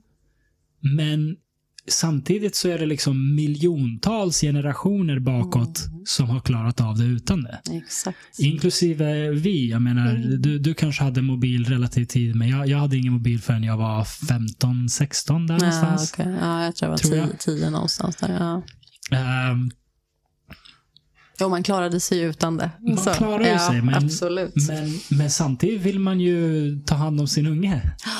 Precis, precis. Och där tänker jag också, och det kommer ju bli en sån integritetsfråga ju äldre upp de kommer också. Ja. För som sagt, ponera att hon, nu får en telefon inom några år. Eh, men så att man ser till att det finns liksom, men barnlås på YouTube, alltså så att det finns, man skyddar henne från de, de värsta sidorna av nätet. Och sen kommer de upp i åldrarna Och då måste de ju också kunna utforska världen. Mm. Och då ska man inte gå in och kontrollera vad de har varit inne och tittat på eller Nej. liksom gå in och begränsa dem. Alltså det, jag tänker det är många, många steg här och många problem som man kommer stöta Ja. på. Och om man nu gör det i början, för att det är rimligt att hålla koll på sin liksom, Ja.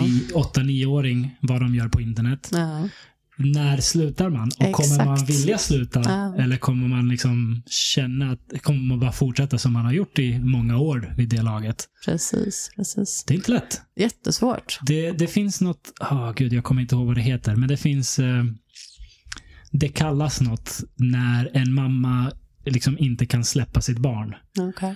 Att man vill ha ett barn för evigt. Ja. Att, att oavsett hur gammal ungen är så vill man behandla den som sitt lilla, lilla barn och, och, och det är såklart skadligt för barnet att Mm. inte få...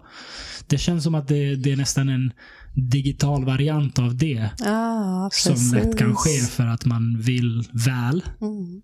Och, och ja, när börjar man släppa? Ska man som släppa en 15-åring helt fri på internet? Det kanske man ska, vad vet jag? Ja, precis. Ja, men för i som barnpsykologi så pratar man ofta om det kompetenta barnet. Mhm. Man ska låta barn gå ner för trapporna själva, för de, de klarar det. Och de, det Ja. finns risk att de ramlar. Så. Och då får man vara där och försöka liksom få, fånga upp med en hand. Men att man ska se varje individ som kompetent och, red, och liksom redo att möta nya situationer och nya möjligheter. Mm. Men det känns också läskigt. Ska vi applicera det på den digitala världen? Alltså, Ja. Gud vilken...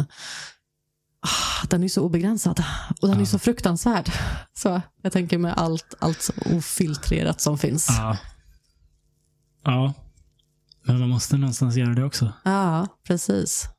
Man skulle gärna vilja ha en mall här. Man får dunka i de bra principer helt enkelt från Ja, början. Och en exakt. förståelse för att allt online är inte vad det verkar vara. Exakt. Så att de förhoppningsvis är försiktiga Ja, på egen hand. Frågan är bara när man ska börja med det. Det kanske är dags att Det tror jag är dags. köra samtalet nu, nu redan. Ja, det tror jag. Ja. Det tror jag. Det är nog en bra idé. Nej, men för jag brukar tänka på det rätt mycket liksom med, med porren så, Ja. generellt. Att just nu så, många har ju förmodligen sin första, liksom, sitt första sexuella möte när de kollar, när de, Mm. genom att kolla på en porrfilm. Så. Mm. Men pratar man inte om porr Mm. så, vet, så kanske man tror också att porren är en verklighet. Mm. Så, och tänkte, det måste vi också förbereda kids för. Mm. Mm. För det, det är ju en naturlig del förmodligen. Ja. Deras liksom unga tonår. Att det är klart de går in och porrsurfar. Det är ju konstigheter. Men vi måste ju också ha en vuxen diskussion med Ja. dem. Att det här är inte verkligt. Det här är en film. Det här är skådespeleri. Så. Ja, Jag tänker, jag, jag kopplar det till det nu. Att så här, vi måste prata om det. Absolut. Absolut. Men också återigen, vem 17 ska prata om det? Vem är bäst på att gå in och prata med kidsen om det här? Är det föräldrarna eller är det lärarna? Eller var, var ska Ja. man liksom lägga samhällsinsatsen? Alltså just porr och det sexuella, då Eller känns det som att det måste vara föräldrarna. Ja. I, i, i, ja, det är nog det, bäst, det mest optimala. Tror du det? Kan, kanske. Jag, jag kan inte påstå att jag tänkt mycket på det här, så nu tänker jag, tänker jag högt här. Men det känns som att allt som har med så intimt ja. att göra. Vill du att, din lärare, att, ungens lärare ska prata porr med ungen? Jag vet inte. Sexualundervisningen ligger ju andra sidan i skolan. Alltså jag tänker att det här är en del Ja. av sexualundervisning. Och sen så tror jag, nu vet jag, jag har aldrig pratat sex med mina föräldrar. Det har aldrig liksom varit, Mm. va, varit ett ämne som vi har diskuterat. Men är man så sugen på att prata sex med sina föräldrar? Mm, I för nej. puberteten? Jag vet Alltså, inte. Men är man sugen att prata sex med sina lärare? Det är man inte heller. Nej, vem sjutton ska man prata sex med? Jag vet inte. Hur fan har man gjort det i så många generationer? Ja, precis. På något sätt har det ju lyckats ändå. Ja, fast å andra sidan så fann, alltså porren fanns ju inte i den Det- utsträckning. det är jag tänker den. det är ändå ett Det är nytt, en ny problematik som vi måste Jag prata om. tror, jag tror absolut att, att det hade varit ett problem om det hade funnits i Mm. den utsträckningen i, i, i min barndom. Det, jag tror att det där är väldigt lätt eh, att börja missbruka om man har den tillgången som finns idag. Ja, Och jag vet inte, vem fan ska jag prata med dem om det? Men föräldrarna måste ju vara med på det i alla fall, känns det som. Och kan man kanske ska börja, bra, alltså börja prata om det innan det blir för pinsamt. Ja, För jag tror man kommer någonstans i där för puberteten eller 13, 14, ja vet jag, när folk börjar tänka, ja. det var så länge sedan så man kommer knappt Ja, ihåg det. man Men- måste ju, man måste ju, det, det är någon sorts sweet spot. Mm. Man, det måste ju ske innan de själva börjat kolla på porr. Liksom, eller vad det är. Eh, men inte så tidigt att de inte förstår vad man pratar om. Nej, precis. Fan svårt. Jättesvårt. Och det här Eh, måste också vara otroligt individuellt. Alltså beroende på barn också. Alltså vilken, vilken mognadsgrad Det tror barnet jag. Ja. Det tror jag absolut. Det, ja. Därför är det väl någonstans föräldrarna som, som vet bäst hur man ska ta det här samtalet. Eh, Men alla föräldrar är inte bra heller på det här. Nej. Det, det är liksom ingen garanti att bara för att man har gjort en unge att man vet hur fan man pratar med ungen om Exakt, exakt. internetporr. Liksom. Det är en hel jävla Precis. värld Ja. med knäppa grejer. Ja. Eh, Men jag läste om någon artikel, någon, någon som det, de, deras första kontakt med sex var Mm. internetporr och det var en film med en så här gangbang Ja. med typ så här 20 grabbar på en tjej eller vad det nu var. Och det var deras första kontakt med sex. Och den här ungen var, det, det var en artikel om en unge som då efter det uh, ja, aldrig liksom lyckats fatta det här med sex på ett bra sätt. Och det blev bara mass, po- porrmissbruk och, och grövre och grövre grejer och så vidare. Ja, men för det blir ju på något sätt ett samhällsproblem. För dels så handlar det Ja. också om, så här, jag men, nu pratar jag om kvinnosynen, men det är ofta Mm. kvinnorna som är liksom, utnyttjade i porrfilmer. Men jag tänker också hela metoo-rörelsen. Att många grabbar som vars enda liksom, kontakt med den sexuella världen går via porrfilmer och sen så ska de ha sitt första riktiga fysiska sexuella möte och kanske för, inte förstår att det är övergrepp de begår. Mm, För mm. att det är ju så det fungerar i porren. Exakt. Så. Mm. så att vi har en hel, en hel drös med kids där ute som, som inte är redo. Ja. För att Och, de är inte och på andra förberedda. sidan tjejer som inte vet att det här är fel Exakt, heller. exakt. De har också sett samma filmer och tänker Ja. att det här är okej. Exakt. Det är fan empati. empati. Man måste dunka in dem empati på en tidig, i en tidig ålder. Mm. Um, jag, jag, jag ändå, som sagt, jag tror att det görs en hel del. Jag tror att kids är man är bättre på det här med, det finns ju en- den där låten Stopp min kropp. Ja, den, Och- och den rabblar vi hemma mycket. Så, och sånt fanns ju inte när vi var små. Nej, så jag minns ju inget sånt snack eller liksom att man pratar om det. Men jag vet inte. Jag, jag, är, jag har alltid jag, jag har alltid haft, eh, i, i min uppväxt hade jag mycket tjejkompisar. Mm. Ehm, och jag har alltid uppskattat att liksom ha nära tjejkompisar. Mm. För mig var det väldigt viktigt f- för att förstå tjejers perspektiv Mm. i saker och ting. Och jag märkte det att det fanns en skillnad på eh, i empatinivå mellan de som hade nära tjejkompisar Mm. och de som inte hade det. Mm. Ehm, jag vet inte vart jag vill komma med det här, men det, det är någonting som jag lagt märke till att så här, för mig var det en vi- vissa saker som har att göra med att vara omtänksam var så naturliga för mig Mm. som jag sen från killkompisar uppfattade att de har ingen koll på det här alls. Nej. Du vet, och för mig var det så här, men det, det är väl en självklarhet. Mm. Och jag tror att det hade mycket att göra med just att jag hade nära tjejkompisar. Mm. Men jag tror att du är inne på någonting där, som vi pratade om lite tidigare också. Att, vad, vad genererar det? Att liksom, kvinnliga kamrater, ja, men då kanske du pratar med kän, om känslor. Det kanske liksom var ganska naturligt för er att diskutera. Mm. Det kanske skapade också din förmåga till empati och utmanade den och utvecklade den på ett sätt som, som grabbarna som inte hade kvinnliga vänner, hade, de hade inte samma möjlighet. Liksom. Mm, mycket möjligt. Så eh, vad försöker vi komma fram till här? Uppmuntra att man har vänner mellan könen. Ja, men precis. Bla- Blandade klasser. Men jag tror ändå på att det här kanske är som samhällsansvar ska ligga på skolan. Så. Ja. För jag tänker som sagt, vi pratar om det, föräldrar, att ja absolut föräldraansvaret, men det är många som brister. Många Mm. som inte har verktyg att vara vettiga föräldrar. Så. Och det måste finnas ett, ett skyddsnät för de barnen också. Mm, Att, att det finns en annan instans som pratar om det här. Så jag tror ändå på, det kanske man mer ska jobba med lärarna och se till att lärarna faktiskt är rustade i att prata om porr, om sex Ja. så. Eh, och om känslor. Fan, det är mycket ansvar på lärarna också. Ja, Det är inte, det är inte lätt det där heller. nej gud. Och, och, och så är är det samtidigt så här att det är en ouppskattad tjänst och Mm. kriterierna urvattnas och lönerna går ner och sådana där saker. Mm. Det, det är ju inte bra. Varför är det så? Jag tycker ändå att lönerna har gått upp. Har de det? Ja, det har Ja, de faktiskt. Så. koll. Vi var ju någon, för några år sedan så var det ju så här, ah, alltså komma in på lärarprogrammet var det lägsta, lägsta betygen. Man Mm. behövde ju knappt liksom ha godkänt i allting. Men nu, nu har jag förstått det som att det har gått upp. Så det är mer eftertraktat att vara lärare. Man gjorde ju någon satsning i Stockholm i alla fall. Jag vet inte om det var liksom i hela Sverige. Men, men i Stockholm att man, man höjde lärare. Man satsar jättemycket på förstelärare. Som Mm, har, och nu är jag inne på ett område som jag egentligen inte kan. Men som jag har förstått har lite högre ansvar. Okej. Den får därmed lite mer betalt. Så, så man har, man har, eh, lönerna generellt har ökat en del senaste åren. Så jag tror att det har blivit lite mer eftertraktat nu än vad det var för fem, sex, sju, tio år sedan. Är det tack vare Sverigedemokraterna? Det tror jag verkligen inte. De Ah, brukar okej. inte göra så mycket gott. Jag fick det nästan. man får säga så. Ja, gud. Fan. Ja, nej, nej.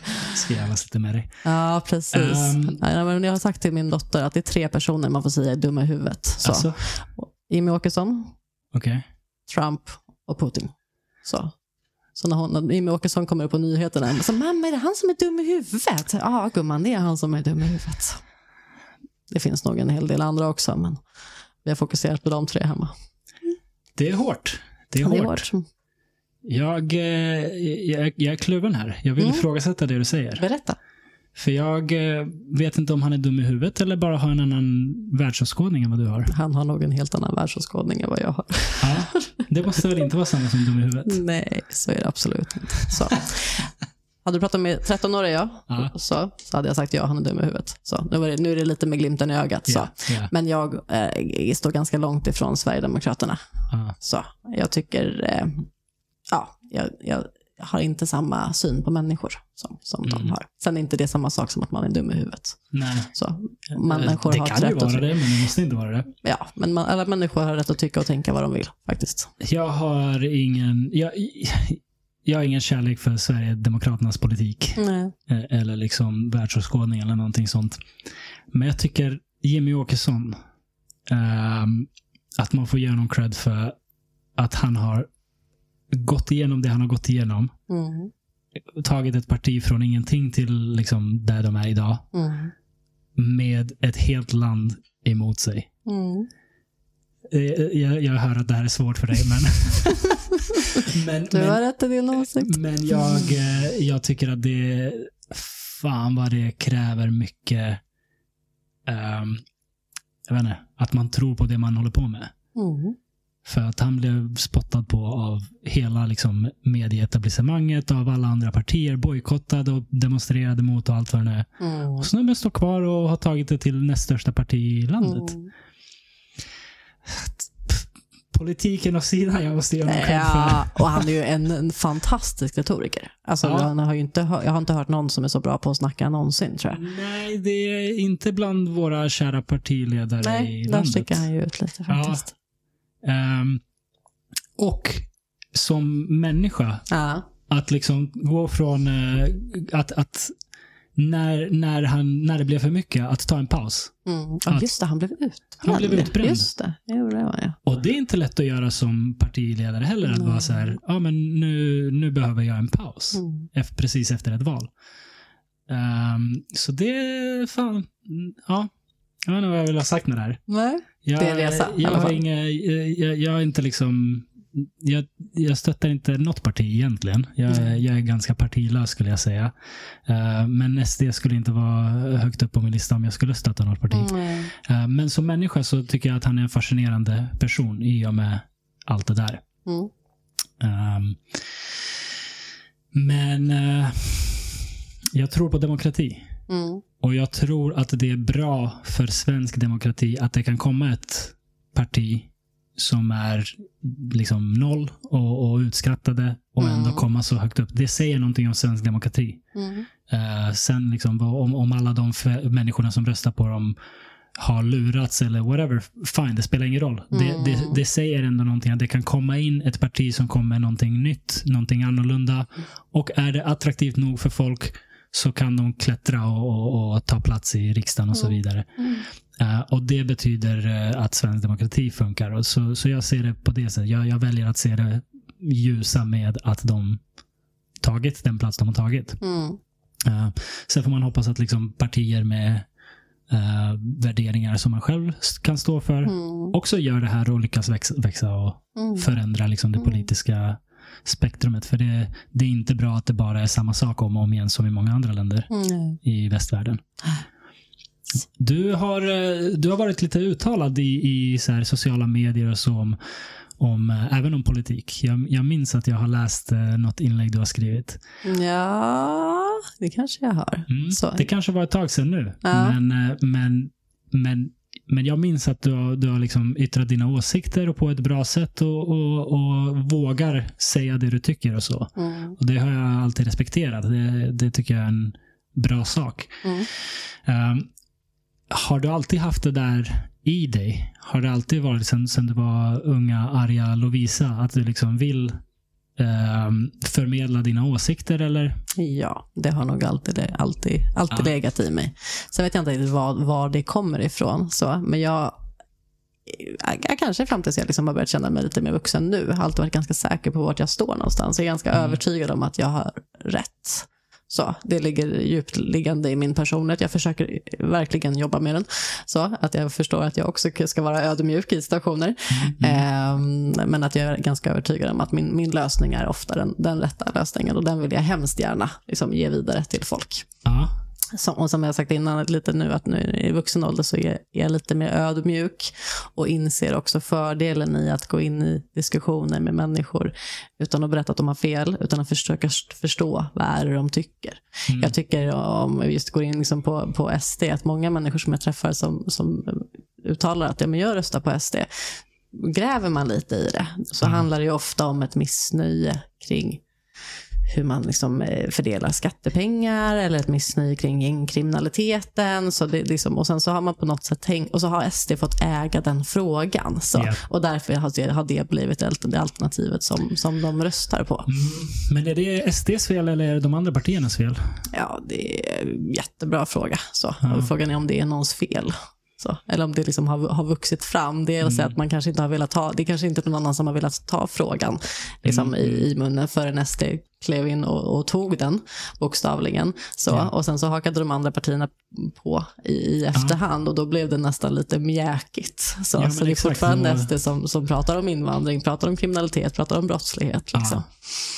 Ja, det, det, är där jag, det är därför jag menar att det är så bra med att, att svensk demokrati funkar. Mm.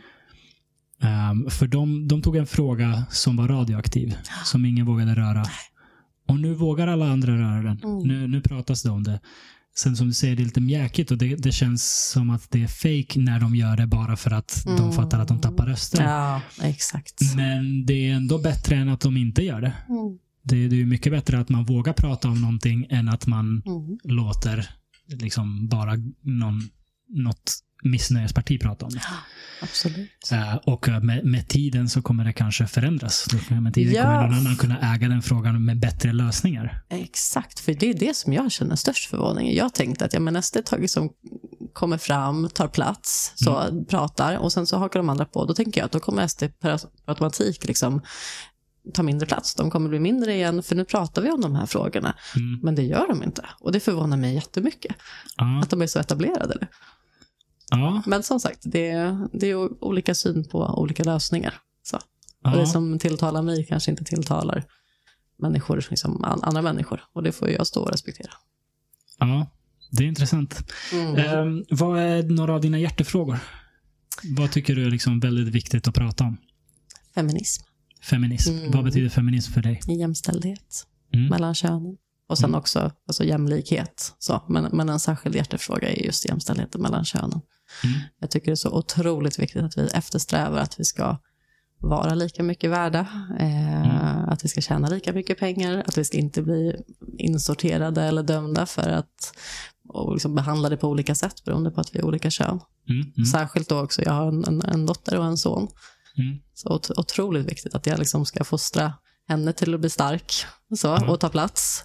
Och honom till att vara snäll och, och fråga hur andra mår. Så Mm. Mm. Att man liksom får så vi kan komplettera de könsrollerna som är uppstakade för oss i dagsläget. Jag tror att det är jätte, Mm. jätteviktigt. Tror du vi kan komma ifrån könsroller? Nej, inte, full, inte helt ut, det tror jag inte. Så, dels så finns det ju biologisk skillnad mellan kvinnor och män. Så, som Mm. är liksom, och den, den, hur den påverkar oss, det, det är klart att den gör det. Liksom. Mm. Men sen så tror jag mycket i kultur också. Jag tror att vi kan komma ifrån det mer än vad vi gör i dagsläget. Jag Mm. tror att mycket just nu har vi fortfarande en väldigt tydlig bild över hur en kvinna ska vara och en väldigt tydlig, tydlig bild över hur en man ska vara. Och är det någon som går utöver där så ser det, ses det med onda ögat. Liksom. Mm. Gör det det i Sverige fortfarande? Ja, det tror jag. Ha, hur, eh, i, I vilka sammanhang tänker du att det fortfarande liksom... Ehm, jag vet inte om det är något bra exempel, men jag tänker typ i rekryteringssammanhang, alltså i liksom bilden på föräldraskap. Ehm, jag har lite, lite människor runt omkring mig som, som har separerat, så, har haft, fått barn ihop och sen så gått skilda vägar. Mm. Det ses ju betydligt värre att som kvinna lämna en sån relation, eller än att som man gör det. Mm. Så. Det Okej. finns en, en nidbild över att kvinnor ska vara, ta hand om barnen, vara med barnen så, och alltid vara kvar i relationen. Och, och att om grabbar gör det och drar iväg och har ungarna varannan helg så ser det betydligt, allvar, ses det betydligt mindre allvarligt än om kvinnor gör det. Mm. Intressant. Så. Bara som ett exempel. Vi lever ju i ett väldigt jämställt land, Mm. relativt sett. Ehm, och det är ju... Det, det får man liksom vara tacksam för. Jag, jag, jag tycker ordet feminism så, det har missbrukats så mycket. Hur? Ehm, jag tycker att precis som alla rörelser, som alla ideologier, Mm. så oftast börjar det med en god intention. Mm. Um, jämställdhet till exempel. Väldigt god intention, väldigt bra tanke. Ehm, men alla ideologier kommer, som attraherar folk som, som är tillräckligt, blir tillräckligt stora och starka kommer attrahera idioter. Mm. Och det spelar ingen roll om det är eh, feminism eller, eller eh, vänsterpolitik eller högerpolitik eller eh, buddhism eller kristendom eller vad som helst. Är du tillräckligt, växer du tillräckligt mycket så kommer det ingå idioter som inte bryr sig om ideologin eller som inte ens förstår ideologin nödvändigtvis. Mm. Men som skriker högt. Mm. Ehm, och där någonstans tror jag att det... Jag, jag, det är inte liksom någons fel, men det kommer alltid dyka upp folk som ehm, använder en ideologi som ett vapen. Mm. Som ett verktyg för att uppnå sina egna ändamål. Ehm, och jag skulle säga att det har hänt med feminism också. Att, att liksom folk som vill utöva makt över andra har använt feminism som sitt vapen. Mm. Ehm, och det, det har man sett, alltså i- inte minst i, i metoo-eran, Mm. när folk använde det för att eh, liksom såga ner folk som de inte Mm. gillar. Ehm, och det är så otroligt skadligt. Jag, Mm. jag tycker det är synd för att jag, jag tycker jag, jag är liksom ehm, djupt eh, intresserad av jämställdhet själv och jag Mm. har länge betraktat mig själv som feminist. Men när jag har sett tillräckligt många sådana exempel så har jag haft svårare att säga det om mig själv för att det är så här, jag, vet inte, jag vill inte associeras med de där människorna. Mm. Um, och det tycker jag är jävligt trist. Men, men jag vet inte, det är samtidigt som jag sa, det är ingens fel. Jag vet inte vad man ska göra åt det. Nej. Um, jag hade väl kunnat önska att Feministiskt initiativ skulle vara bättre på att framföra det feministiska, liksom, den feministiska ideologin Mm. utan att balla ur. Men Mm. det känns som att de gjorde det och försvann. Ja, precis. Uh, de, jag vet inte ens om de finns kvar längre. Det kanske de gör. Nej, jag tror, jo, men som rörelse finns nog kvar, men sen så är de inte i närheten av att ta sig in i riksdagen Nej. längre. Så de var ju ändå... Och de hade ju verkligen alla förutsättningar att göra det. För de, de var väl inne och nosade. Ja. Och sen skedde metoo-rörelsen, vågen vad man ska kalla det. Mm. Så de hade ju alla möjligheter att utöka sitt inflytande i och med det. Mm. Men idioter som vill använda feminism som ett verktyg, maktredskap, sänkte det. Ehm, Och det här är ju så viktigt, och sen är ju frågan hur man gör det, men att, att vi skiljer ex- extremisterna gentemot den riktiga rörelsen. mm, Så, och, och det här tror jag ligger liksom hos gemene man. Det här måste vi alltså vanliga människor Ja. Tänka precis på samma sätt som vi måste skilja mellan muslimer och islamister. Mm. Alltså mm. vi, vi, får inte bla, vi får inte blanda ihop Mm. de extrema med vad faktiskt rörelsen står för. För det är så jäkla, jäkla viktigt. Och jag vill Mm. liksom kunna, jag förstår precis vad du menar, att ja, det, finns nästan, det blir nästan skamligt att kalla sig feminist, för då Mm. kanske man kopplas ihop, liksom, de som använder det som ett maktverktyg. Men där tänker jag att det handlar om att ta tillbaka begreppet som sitt eget. Mm. Vad är feminist och va- varför vill du kalla dig för feminist och vad står det för? Och det, liksom att, att liksom låta det genomkyla i. Ja. Super, superviktigt. Går det att göra det då? Är det inte lite som det vi pratade om förut, att eh, begrepp som utvecklingsstörd, de är kosher och sen blir de eh, fula och de ska inte användas. Ja, fast jag tänker ändå att de alltså extrem, extrem, eh, vad heter det? extremisterna, nej, Ex extremisterna. extremisterna, förlåt. Ehm, de är så få. Ja. Alltså det, det, jag tänker det är på en annan nivå. Låt inte dem ta ordet och innebörden Mm, mm. av det här så otroligt starka och viktiga ordet. Så jag tror att man måste kanske föra den diskussionen mer. Så, Mm. och att man inte sammanför dem.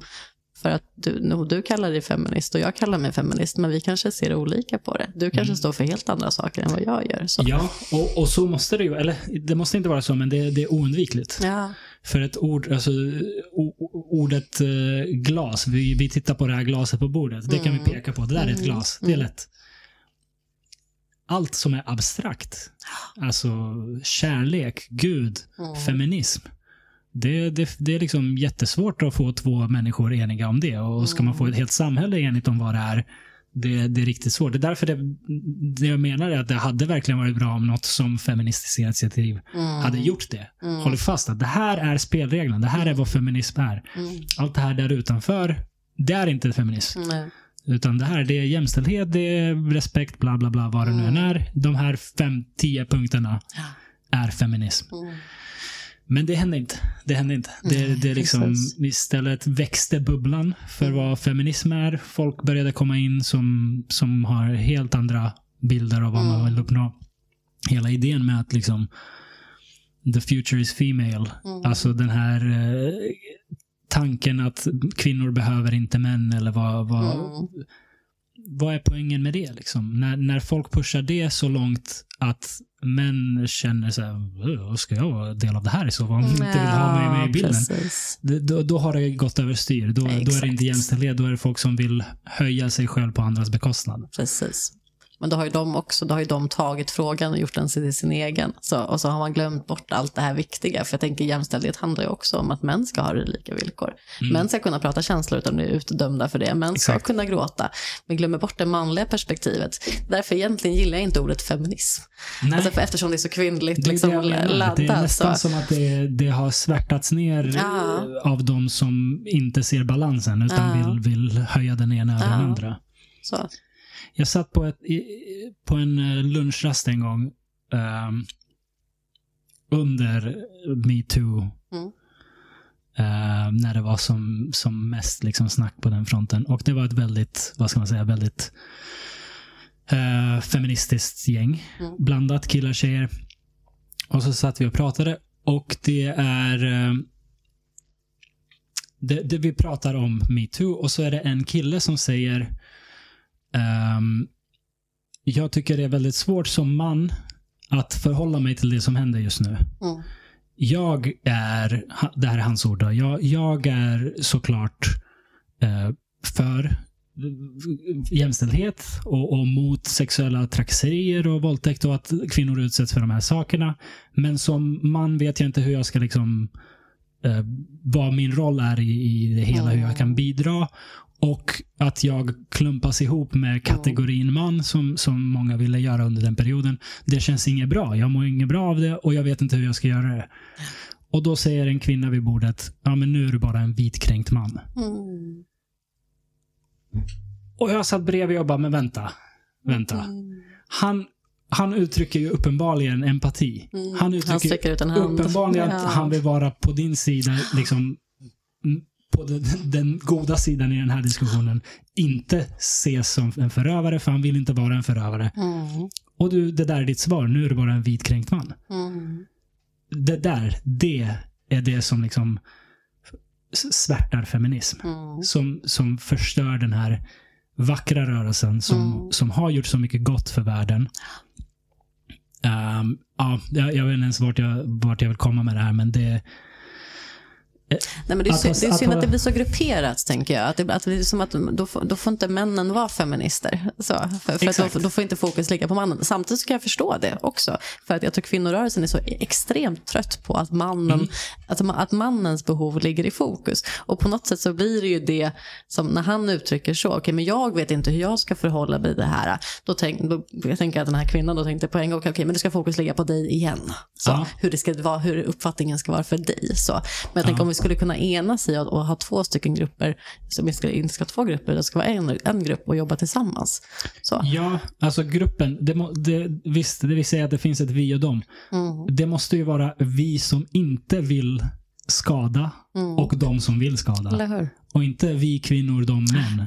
För, för det, det, det är inget rimligt. Så, så kommer vi aldrig lösa något problem om vi säger att nu hålls männen utanför lösningen, nu ska kvinnorna fixa det här. Ja, För det, det, det funkar inte, vi måste leva ihop. ja precis, precis. Och för det behöver ju inte heller betyda att man inte kan syna könsstrukturerna. Mm. Det kan vi ju göra parallellt. Så. Men vi kan ju fortfarande jobba mot dem tillsammans. Jag tror att det är Vi lättare också att göra det tillsammans. Jag, vet, alltså, jag tror inte vi, vi har ju inte något val. Nej. Jag tror inte det här är ett problem som kvinnorna kan lösa utan männen, eller männen kan lösa utan kvinnorna. Det, det går ju inte. Det handlar om kön på lika villkor. Det handlar inte om någonting annat. Så. Och det Mm. inkluderar ju både männen och kvinnorna. Mm. Så. Men, men det är också att det har ju varit en, en, jäkla, en jäkla rörelse sen, sen metoo. Mm. Det har ju verkligen varit det. Och, och jag tror att också under den rörelsen så kom ju det kom ju fram så mycket då övergrepp. Mm. Och också kanske personer som när de begick övergreppet inte förstod att det var ett övergrepp. Mm. Och också som personen som var utsatt för det inte heller förstod att det var ett övergrepp. Ja. Utan man pratar så mycket om samtycke just nu och, och, och diskuterar och det är så himla himla viktigt att nu inser man att men gud, det där som hände för tio år sedan, Mm. Mm. vad, vad var det för någonting? Mm. Så. Och det kan ju också bli ett trauma att inse vad, vad det var för någonting. Mm. Så. Och helt plötsligt så, så är man då som, som man som förövare Mm. på ett sätt som man inte var innan diskussionen ens påbörjades och man kanske inte har förstått det. Mm. Så det skapar ju så enormt mycket känslor. Ja.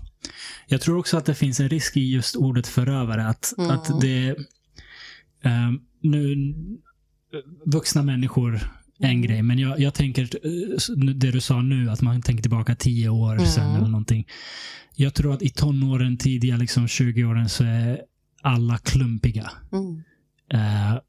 Man, man vet inte hur saker och ting funkar, Mm. speciellt när det kommer till det sexuella. Man liksom flörtar, man testar, man, man, man känner sig fram och ingen vet för att de har inte gjort det och så, och så Mm. liksom kommer det oundvikligen hän- hända situationer som inte är bra. Sen finns det grader av inte bra. Själv, Mm. Självklart, vissa saker är oförlåtliga. Men jag tror att väldigt mycket av det där klumpiga Mm. ehm, är och bör vara förlåtligt. ehm, utan att någon kallas förövare och någon kallas offer. Utan det är bara liksom tonåringar som inte vet vad fan de håller på med. Mm. Och jag tycker det där är väldigt, det, det, är, en, det är ett känsligt område och det är Mm. svårt. Eh, och jag, jag förstår ju såklart det finns nyanser i det. Som Mm. sagt, det finns det, allt går inte att förklara bort med klumpighet. Mm. Men det som går bör och man bör kunna ta det vidare utan att det handlar om förövare och offer. Mm. Men jag fan hur. Nej, det är så stort så det går inte. Men, men, men tänker för att knyta ihop säcken lite också. Ja. Att hur, hur, kan vi, hur kan vi jobba för att det här inte ska hända? Ja, men det handlar ju om att prata med kidsen. Ja, Det, vad, vad är samtycke? Så Mm. extremt viktigt att du, att, du, att du, du själv som är med någon annan människa, du är säker på att den människan vill. Det är på ditt ansvar Mm. att vara säker på det. Du Ja. har ansvaret i den här situationen att fråga. Så återigen, vem ska göra det här? Är det skolan? Är det föräldrarna? jag vet så. inte. Jag vet inte. Alltså, jag, jag kan säga för, för min egen del, alltså, f- för mig var det, det första liksom en, en ögonöppnande Mm. ehm, eh, situation för mig var att vara med en tjej som inte hade det så lätt med det sexuella. Mm. Ehm, jag liksom, för mig var det, jag var inget... Jag, hade väl en relativt normal uppväxt, eller vad man ska säga. Relativt normala tonår och så. Och festade i, i liksom sena tonåren, tidiga 20 åren som alla, alla gjorde och upptäckte sex och upptäckte tjejer och allt vad det var. Mm.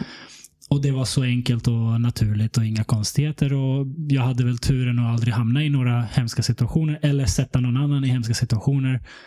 Eh, men sen dejtade jag en tjej som hade svårt med det sexuella.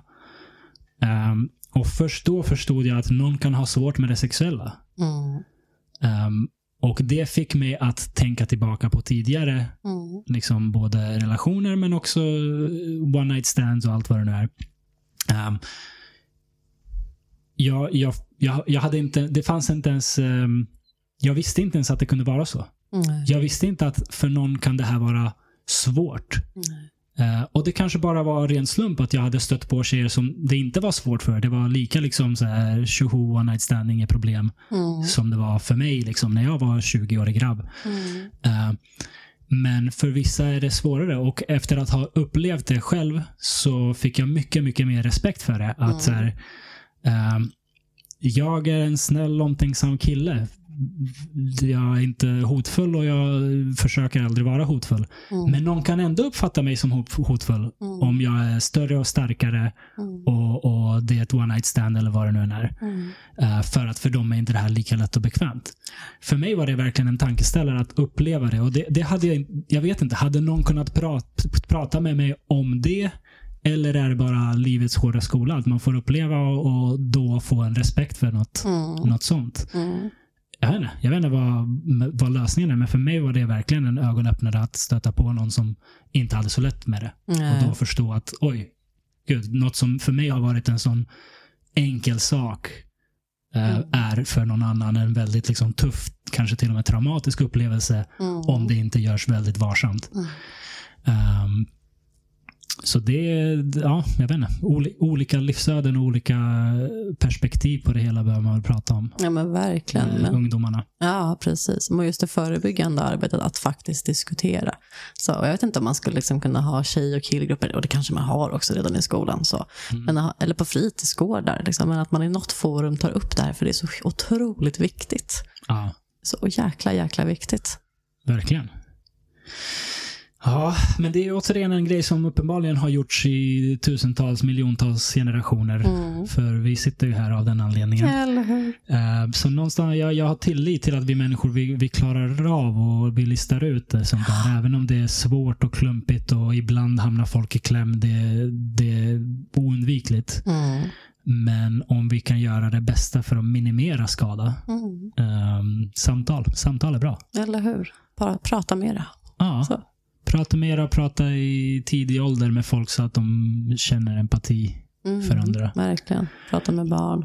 Låt barn prata med varandra. Min, min pappa sa det till mig när, när jag skulle ha, vi kan kalla det en fest, men det var inte så mycket fest. Det var så Mhm. två vänner som skulle komma över och jag var jätteliten i typ, måste ha varit i typ så här fyran. Nej. Så sa han så här, ja men du får tänka på att liksom ibland på fest så kan folk kanske gå med på saker som de sen eh, ångrar. Så du måste tänka på att liksom inte, inte sätta folk i de situationerna. Mm. Och jag fattade noll. Jag hade ingen aning vad fan han Nej, jag menade. Nej. Jag var så här, jaha okej.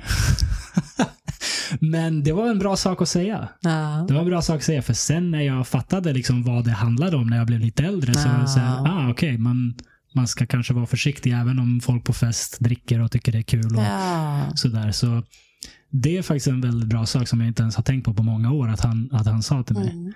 Det, är en, det är nog en viktig lärdom. ja, men verkligen. Just det här förberedande. Så, Ja, det här kan uppstå. Liksom. Exakt. Fundera på hur du skulle agera då. Tänk på det här. Så, mm. Mm. jätteviktigt. Har, behöver skolan prata om sånt? Jag tror det. Jag tror det. Om Mm. inte annat bara för att stötta upp för de föräldrarna som inte klarar av att Mm. hålla det. Så, Mm. För det här måste ligga på en samhällsnivå. Det här Mm. kan vi inte lägga på enskilda liksom, föräldrapar. Så, Nej. så jag, tror att, jag tror att mycket av, kan man lägga över det på skolan så tror jag att vi har en, en Ja. väg in. Så. Och jag tror att jag kommer ihåg liksom, framförallt då sexualundervisningen i att hade Anneli på biologin i sjuan som hade glasögon och var hundra år gammal och använde ordet penis och alla bara fnittrade och det var helt fruktansvärt. Liksom, varenda människa ville ut därifrån. Jag tänker att idag vet vi lite mer om hur vi ska prata med ungdomar. Jag tror Ja. inte att våra lärare kanske hade den kompetensen. Fast en vacker dag kommer du och jag vara Anneli 100 Jag år. vet, gud. Vi tror att vi har koll Men vi är ju inte lärare heller. Nej, det är sant. Det är sant. Men lärare kommer också vara Anneli 100 år. Liksom. Ja. För det är, det är som så här, vi pratar om sociala medier. Alltså, Mm. Du och jag kommer ju inte ha någon jävla aning om vad fan kidsen håller på med när de börjar med nästa grej som inte ens är TikTok utan Mm. ytterligare nästa grej. Kommer man bara, va? Här är Anneli 100 år. Eller hur? Är det är. dinosaurien liksom? Ja. Nej, precis.